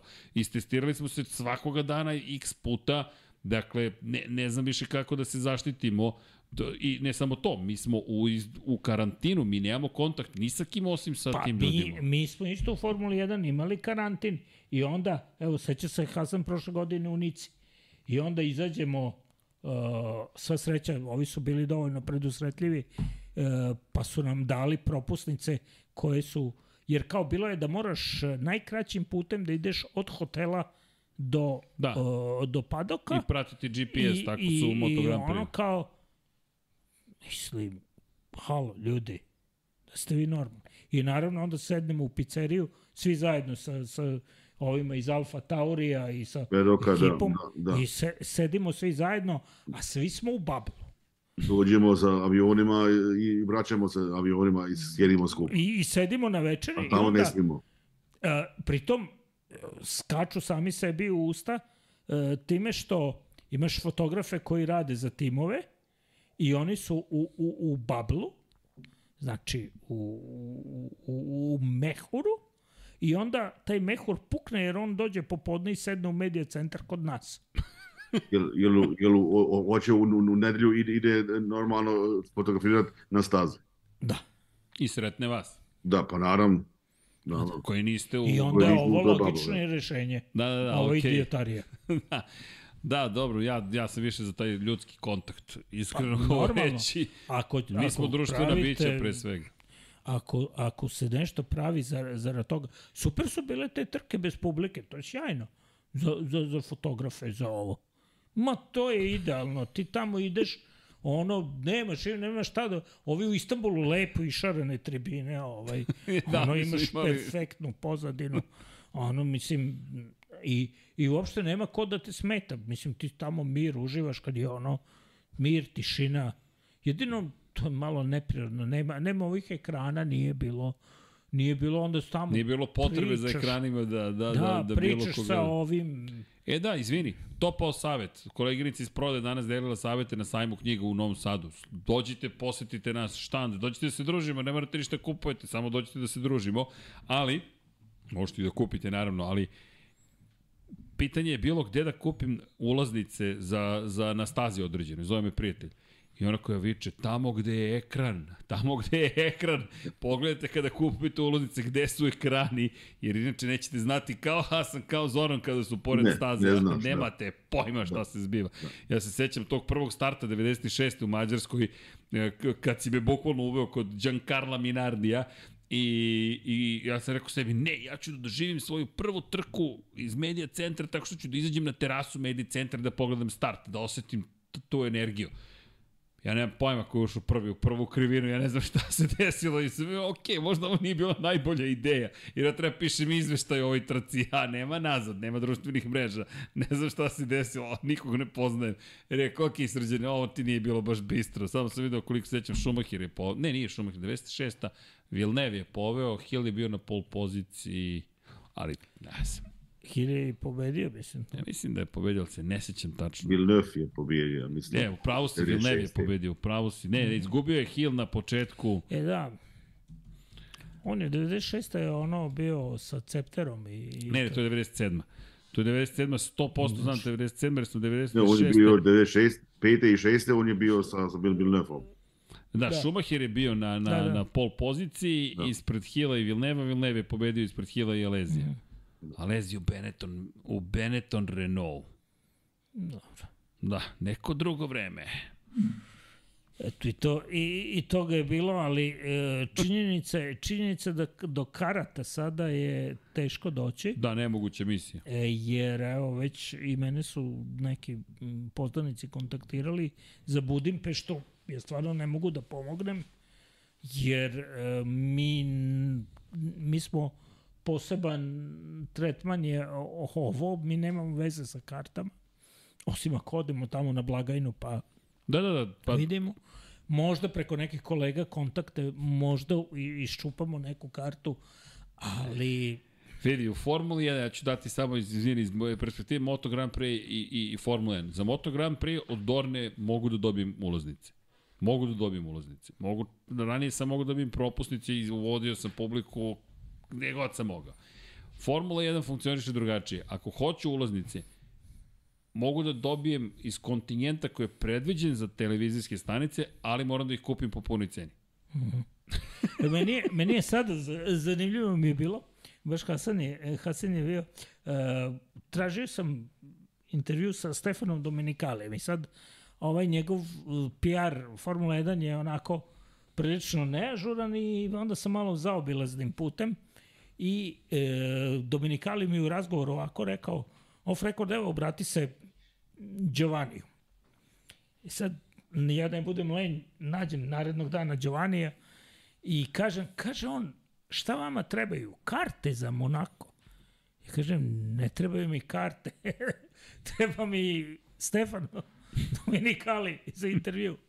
A, kao, otprilike, pa ovo je lako. Onda, to, to ti sredimo odmah. to, će, rekao, dobro, ajde to da ti vidimo. je završeno. Da, ali hoću da, hoću da kažem kako je, kao, karte za Monako, kao, uh, ono, rekao, ne, ne treba mi karte. To, to, to, to je poslednje što mi treba. Dobro, ljudi, uh, Ništa. da lagano da se pozdravljamo, ali, ali imam jedno pitanje, da igraš fantazi? Ne. Hasane, ili igraš fantazi? Bolje da nisam. Bolje da nisi. Koga si izabrao? Ferrari, priznaj. Mm, Je li pao neki Leclerc, a? imam, da, naravno. 101, 101 bo- bod sam usvojio, ne znam, 2000 i ne znam, 300 i nešto mjesta. Bolje da nisam počeo, Ali ima Alonso. Ali imaš Alonsa. naravno. I, Da, i na, Maxa, na, ta, na, na, na, Dobro, to je za vas mlade. Ja. da se igram malo. Pa do, da, e, moraš Doki malo da se igraš. Ali ove godine su promenili, nema searcha više, ne mogu da pronađem sad neke lige. Ja sam 648. od Dobro. Izvinjavam se, 2758 timova, to je bilo, ovo je bilo vreme za spavanje, od jutra smo na sajmu Da. bili, ali dobro. Dakle, imamo 2758 timova, Jare bez Paje 648. Nemam pojma gde je Paja bez Jareta, ne mogu da ga nađem, pošto su promenili ove godine, su unapredili su sistem, tako da sad imaš manje opcije A, nego dobro. prošle godine. Znaš kako to ide? Sa unapređenjima jasno to. A čekaj da nađem Paja bez Jareta. Pavle Živković, ali nema koje je pozicija. Nema veze. Dakle, Pajo, saznaj, molim te, ajmi. Ali, znate ko su vodeći ljudi? Moram da pročitam imena. Dulo Mašina, F1 Boznija, Nemanja GP Guy, No Mikey No, su na prvoj poziciji, 373 poena. Pri čemu da vidim koga su imali Bottas, Alonso, Max Verstappen, Perez, Joe, Aston Martin i Red Bull Racing. Pri čemu ekstra DRS je upotrebljen na Fernanda Alonsa. Dakle, dobro, pa onda F1 Bosnija, da imamo dalje sličan tim, cenim da je to ta ekipa. Verstappen, e, Verstappen puta 3 Perez, Alonso, Joe Stroll, Red Bull Racing i Aston Martin da imamo Nemanja, GP Guy, da ispoštujemo Verstappen, Alonso, sve Verstappen, Alonso, Stroll, Perez, Joe, Red Bull Racing i Aston Martin. Zatim, zašto nisam stavio Aston Martin kao drugu ekipu? Nemam pojma, ali dobro, valjda ne želim da pobedim. I no, Mike i no, Alonso, Bottas, Joe, Perez, Verstappen, Red Bull Racing i Aston Martin, naravno. Kao što si rekao, ekipa broj 2, Aston Martin. Izvanično jeste ekipa broj 2 u šampionatu sveta, nema to šta. E da, to nisam ni pročitao, ali zvanično stanje u šampionatu sveta u konkurenciji konstruktora, 43 poena za Red Bull Racing, 23 za Aston Martin, Mercedes je treći sa 16 poena, pa Ferrari sa 12 bodova, 4 poena Alfa Romeo, Alpina 2 i jedan poen Williams. I mnogo mi se sviđa to što je Joe rekao, jer to smo rekli tokom prenosa kad smo komentarisali Hasane, Joe najbrži krug je zapravo minus jedan poen za Pjera Gaslija i za Francuze, za Renault de facto, to je Alpino. To I je iz to. toga se jasno vidi protiv koga se oni bore. Tako je. Ne damo vam poen. Nema šta je poen za vas, jer oni bi bili izjednačeni po broju poena. I to smo odmah rekli. Čekaj, čekaj. Ovo je zanimljivo. Mada, kako, ko, a ne, ne bi bili izjednačeni, moja greška. A ne, čekajte, čekajte, sad mi je ovo malo zbunjujuće, moram ovo da proverim. Pa ne bi ovo imao Da, dve četiri poena. poena dobiješ za osmu poziciju, da, da, imali bi tri poena. Dobro je, dobro je. A Ferrari je četvrti, Aston Martin pozicija 2. A dobro, ajde da, da kaže da sačekamo, da damo vremena. Slažem se. Mislim da treba, a, Sačekamo. Sa. treba, treba dati vremena ovaj, da možda neki koncepti i prorade. Mislim, Ej, vidi, da, da, slažem se s tobom, da ne trčimo pred rudu. Ajde da vidimo Saudijsku Arabiju, ajmo da vidimo Melbourne. Melbourne je takođe specifična staza. Albert Park je čudan, ajde, blago Da. rečeno. Ne znam šta će tamo da se desi. Zaista ne znam. I onda dođemo do Bakua koji nam je opet brz, a ima spore krivine, imaće dovoljno vremena za razvoj nečega, pri čemu ti ako hoćeš da, da žuriš sa razvojem, ti moraš za Baku to da uradiš. Jer imaš četiri nedelje i Miami ti je odmah sedam dana posle Bakua. Dakle, ti tom, tim unapređenjima pokrivaš i Baku i Miami. Bar je to teorija, ali dosta je, ovako solidna mi deluje teorija, jer ti posle toga si već ušao u veliko u evropski deo sezone. Dve nedelje posle Majamija ti je Imola, sedam dana posle Imola je Monako, sedam dana posle Monaka je Velika nagrada Španije. I tu smo već na osmoj trci sezone. Trećina sezone. I polovina u Evropi bez malo. Tako je, polovina bezmalo u Što Evropi. je sedam trka. Da, od 23. I onda posle toga ti se seliš za Kanadu, jel te? Pa, Pa se ja vraćaš... se još ne bi selio, ali, ali kako stvari stoje, ovaj, Zima, ali standard. Nema veze. Hasane, da te ne zadržavamo, hvala ti. Malo smo se kasnije uključili Tako, znaš i sam kako je to sa nama. Raspričamo se, pa ponekad Pa da. zaboravimo i Sve tako. dobro. Ali lepo je vidjeti te. Drago mi je da čujem da je bilo uspešno. E da, pohvale za fotografiju.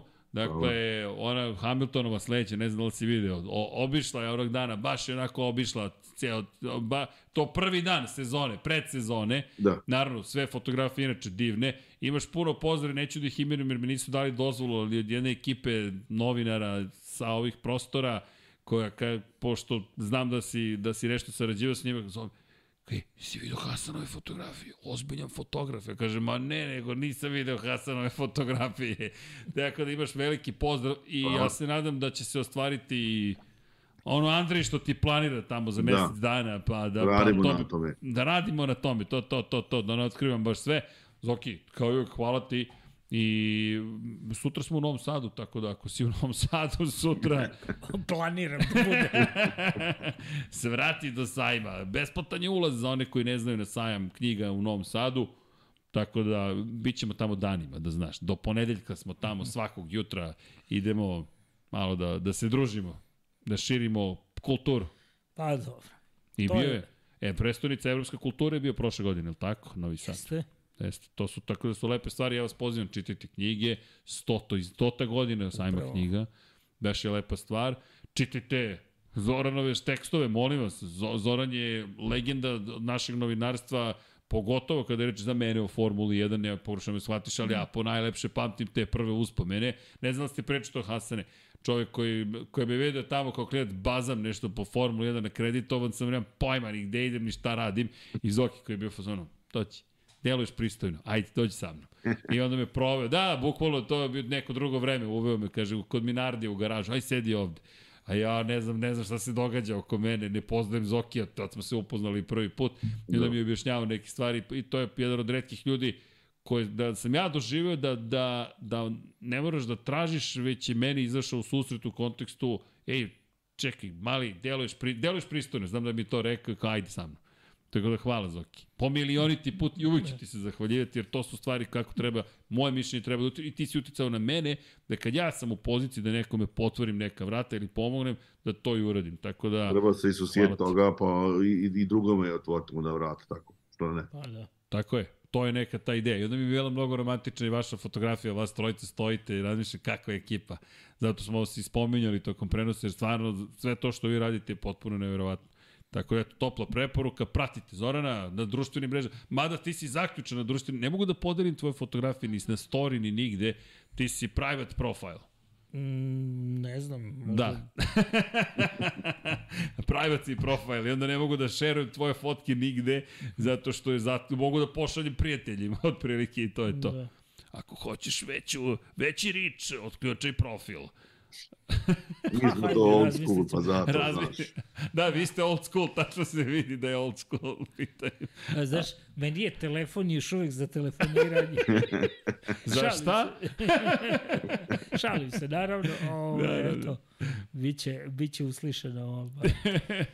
Ali svako su... E, da, I nadam se da ćemo se viđati obojicu češće. Znamo da malo da. znamo da vas tako uhvatimo, pa vas ne puštamo. Ali šta da radite? To je vaše znanje, vaše jel te, prisustvo nama znači i tako. Imate svi inače pozdrav od Paje, Paja nam je baš onako propisno razboleo, Deki u nekim akcijama, de, Deki stalno u nekim akcijama, tako da pozdrav za Dekija, verujem da sluša, gleda, da je lajkovao ovo, ako niste lajko, ljudi, ja se nadam da ste lajkovali, ne zamerite što Slabo se lajkuje. Ajmo ljudi lajk, jedan padne za društvo, za društvo iz Nemačke, za društvo iz studija na kraju univerzuma i eto, Nemam šta više da kažem, imam mnogo toga da kažem, ali mislim da je vreme da se polako povlačimo. Čeka nas ujutro put ponovo za Novi Sad. Za Novi Neke Sad. već sada čeka put za Novi Sad, ili tako? Tako je, da. Hasane, ti tebe čeka put do spavaće sobe, tako da tako. samo pola... Srećan put. I vama. Ej, hvala ti za sve. Nema uh, vidimo se, čujemo se. Ja ću sada da se pozabavim, jel te, onim lepim delom priče, da pročitam imena svih naših patrona. Zoki, razumit ću te ako ne ostaješ, ako već krećeš. Ne, sedim tu. Hvala, ovo malo zna da potraje. Hasane isto, ako baš želiš, ti ostani sa nama, mada ja mislim da imaš vremena da dođe da pročitaš neki kraći roman. 8 minuta kako je bilo. 8 minuta traje, da. Ali to je to. I pozdrav svima još jednom za Maju 1445 na 3030 koji u Republici Srbiji znači nam pomoć, to je izabranica, to je partnerka našeg prijatelja Nenada Milunovića, tako da Maja Nedić se zove i preziva, ukoliko neko bude uplaćivao pare, banke to traže. Hvala vam za svaku vrstu podrške, bori se protiv kancera koji se nažalost vratio već je jednom prošla celu agoniju i uspela da se izbori i naravno će se izboriti ponovo, to mi se zajedno svi borimo za to, tako da kogod može, šta god može. Inače, ako ste bilo šta donirali tokom večeri danas ili bilo šta budete donirali, sav taj novac ide za Maju, tako da znate, Dakle, mi ćemo da se potrudimo zaista da pomognemo koliko možemo s naše strane. Da, znam da ima puno ovakvih priča, ali kažem, ovo je za nas prilično jedna lična priča, tako da znate šta god da pružite kao podršku, ne pružate nama, sada to sve ide maj i potrudit ćemo se mi da, da, da, da uradimo sve što je u našoj moći, tako da znate. Inače, kada govorimo o tome, samo da vidim da li, ne, nisam ispratio, izvinite, danas smo se raspričali maksimalno, ali evo, za Maju, za Maju, za Maju, za Maju baš ima puno, e, temu i le, le, le, le, Erceg, to što si nesrećno propustio jedan podcast, uh, aha, to je od prošlog puta, da, to, to sam pročitao, da, jer propustio sam, kaže to što si propustio od podcast, neče si ostao dužan da radiš nadnog nakladno 5 sedmično, ali dobro, nije zgorek. Danas Sale, za Maju Sale, još jednom Bojan Gitarić i Ivan Božarić, tako da hvala, super stikeri, super četovi i sve ostalo. Tako da znate, hvala još jednom. Ljudi, ja, da ajmo da pozdravimo, kako? Da pustimo poruku. Hvala Zoki! Fist bump, wow! Uh, ljudi, pozdrav za naše patrene, patreon.com kroz Infinity Lighthouse, shop.infinitylighthouse.com, a sezona je tek počela i ukoliko navijate za Ferrari, Mercedes, nemojte očajavati, vaš tim je na to da se izbori sa, jel te, situacijom u kojoj se našao, ovde me gledaju malo depresivno, ali ja i dalje verujem u ne znam, u, u, u neću reći sport, nego prosto verujem neku, neku, neku priču, nešto će da se desi, bit će zabava i čestitam još jednom Maxu Verstappen i Red Bullu, zaista su radili neverovatan posao. Apsolutno. Hoćemo. Idemo u akciju. Samo da im da... Aha, čitamo odavde. Dejan Avić, Ferenc Laslofi, hvala ljudi, Ante Primorac, Kristijan Šestak, Luka Martinović, Ljubo Đurović, Ivan Simeunović, Petar Relić, Aleksandar Antonović, Miloš Broćeta, Strahinja Blagović, ej, još uvijek vidim, Stefan Janković na ovu daljinu, Boris Kujundžić, Jesenko Samarđić, Ko Kovačević Omer, Novak Toma, Tomić, Zlatko Vasić, Ertan Prelić, Zorana Vidić, Igor Jankovski, Zoran Šalamun, Milan, Mlađan Antić, čekajte da uvatim ritam, Filip, Renata Neš, Miloš Rašić, Gloria Edson, Crnogorski Jedi, Alen Vuletić, Nemanja Labović, Luka Savović, Luka Klaso, Šmele, Aleksa Jelić, Danka, Ognjen Marinković, Armin, Marko Ćurčić, Marko Kozić, Branimir Rijavec, Predrag Pižurica, Benđo Kekej, Teus Nikola, Bojan Majstorović, Đurđica Martinović, Saša Ranisavljević, Anonimus Donatorus, Đole Cheesehead, Matej Sopta, Životić Jovan, Miloš Vuletić, Jelena Jeremić, Aleksandar Milosavljević, Mihajlo Krgović, Marina Mihajlović, Veselin Vukićević, Dragana Matić, Tijana Vidanović, Josip Kovačić, Dimitrije Mišić, Stefan Prijović, Bojan Mijatović, Mario Vidović, Nemanja Jeremić, Zoran Majdov, Đole Kube 4, Potrebek, Žorž, Katarina, Dorijan Kablar, Aleksandar Radivojša, Boris Erceg, Bojan Markov, klub štovatelja Ramona Mireza, Ivana, Marko Marković, Bahter Abdurmanov, Andreja Miladinović, Lje Đurović, Blufonac, Matija Rajić, Branislav Dević, Zoltan Mezej, Toni Ruščić, Marko Kostić, Ivan Maja Stanković, Milan Kića, Ivan Toškov, Marin Antunović, Nenad Simić, Mladen Krstić, Dušan Ristić, Bogdan Uzelac, Nedim, Stefan Dulić, Borko Božunović, Andrija Todorović, Ivan Maksimović, Andrej Božo, Ružica Stefanović, Stefanović, Anonimus Doratorus, Vlada Ivanović, Andreja, Miloš Banduka, Vojn Kostić, Stefan Ličina, Nenad Ivić, Jelena Veljković, Emir Mešić, Vladimir Filipović, Branislav Marković, Jugoslav Ilić, Salim Okanović, Borislav Vukojević, Laslo Boroš, Mirina Živković, Živojin Petković, Dejan Vujović, Đorđe Radojević, Milan Paunović, Petar Nujić, Stefan Lešnjak, Optimistik Josh Allen Fan, Đorđe Đukić, Nikola Milosavljević, Danijela Ilić, Kimi Rejkonen, Aleksa Lilić, Miloš Radosavljević, LFC, Ivan Milatović,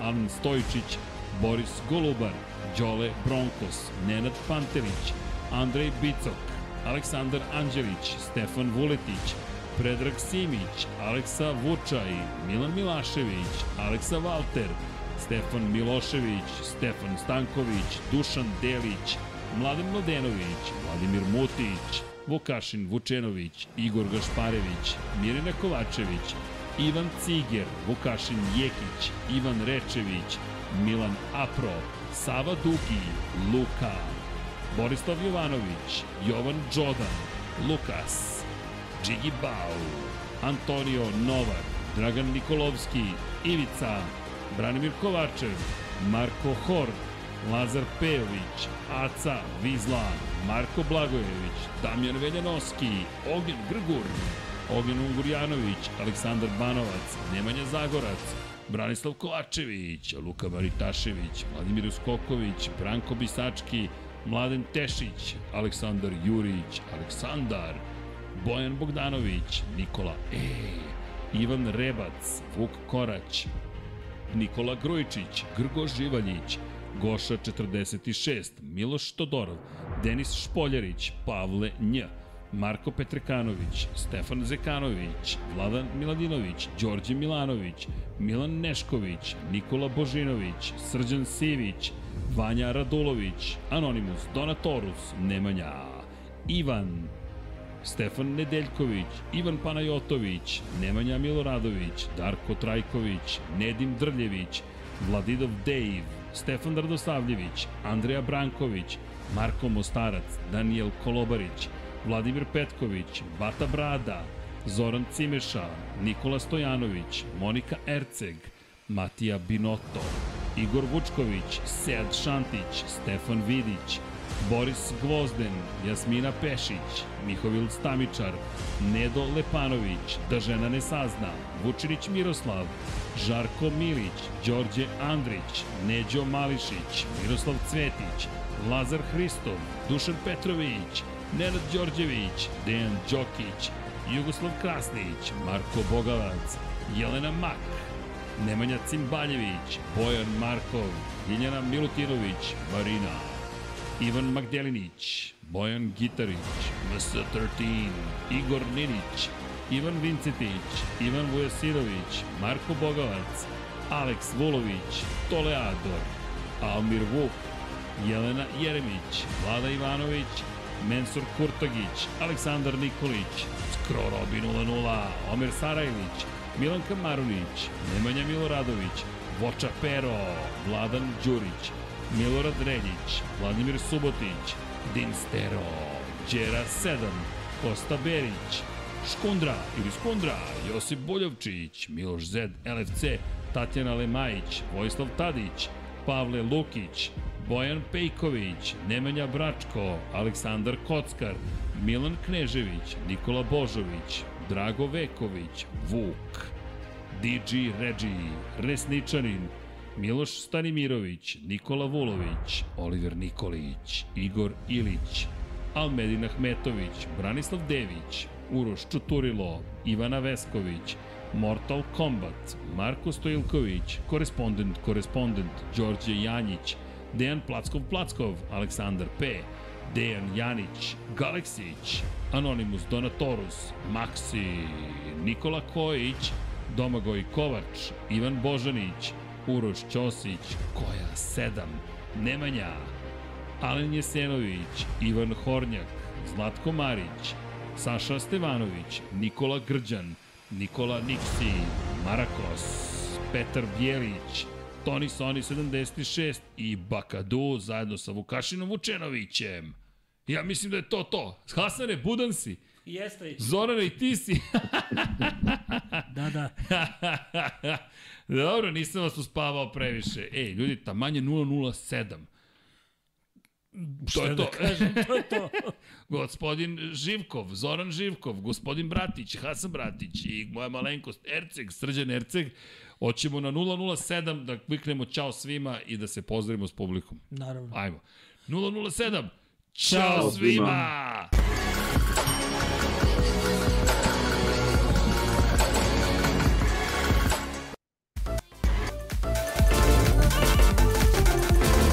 Dobro. Nema na čemu, sve okej. Okay.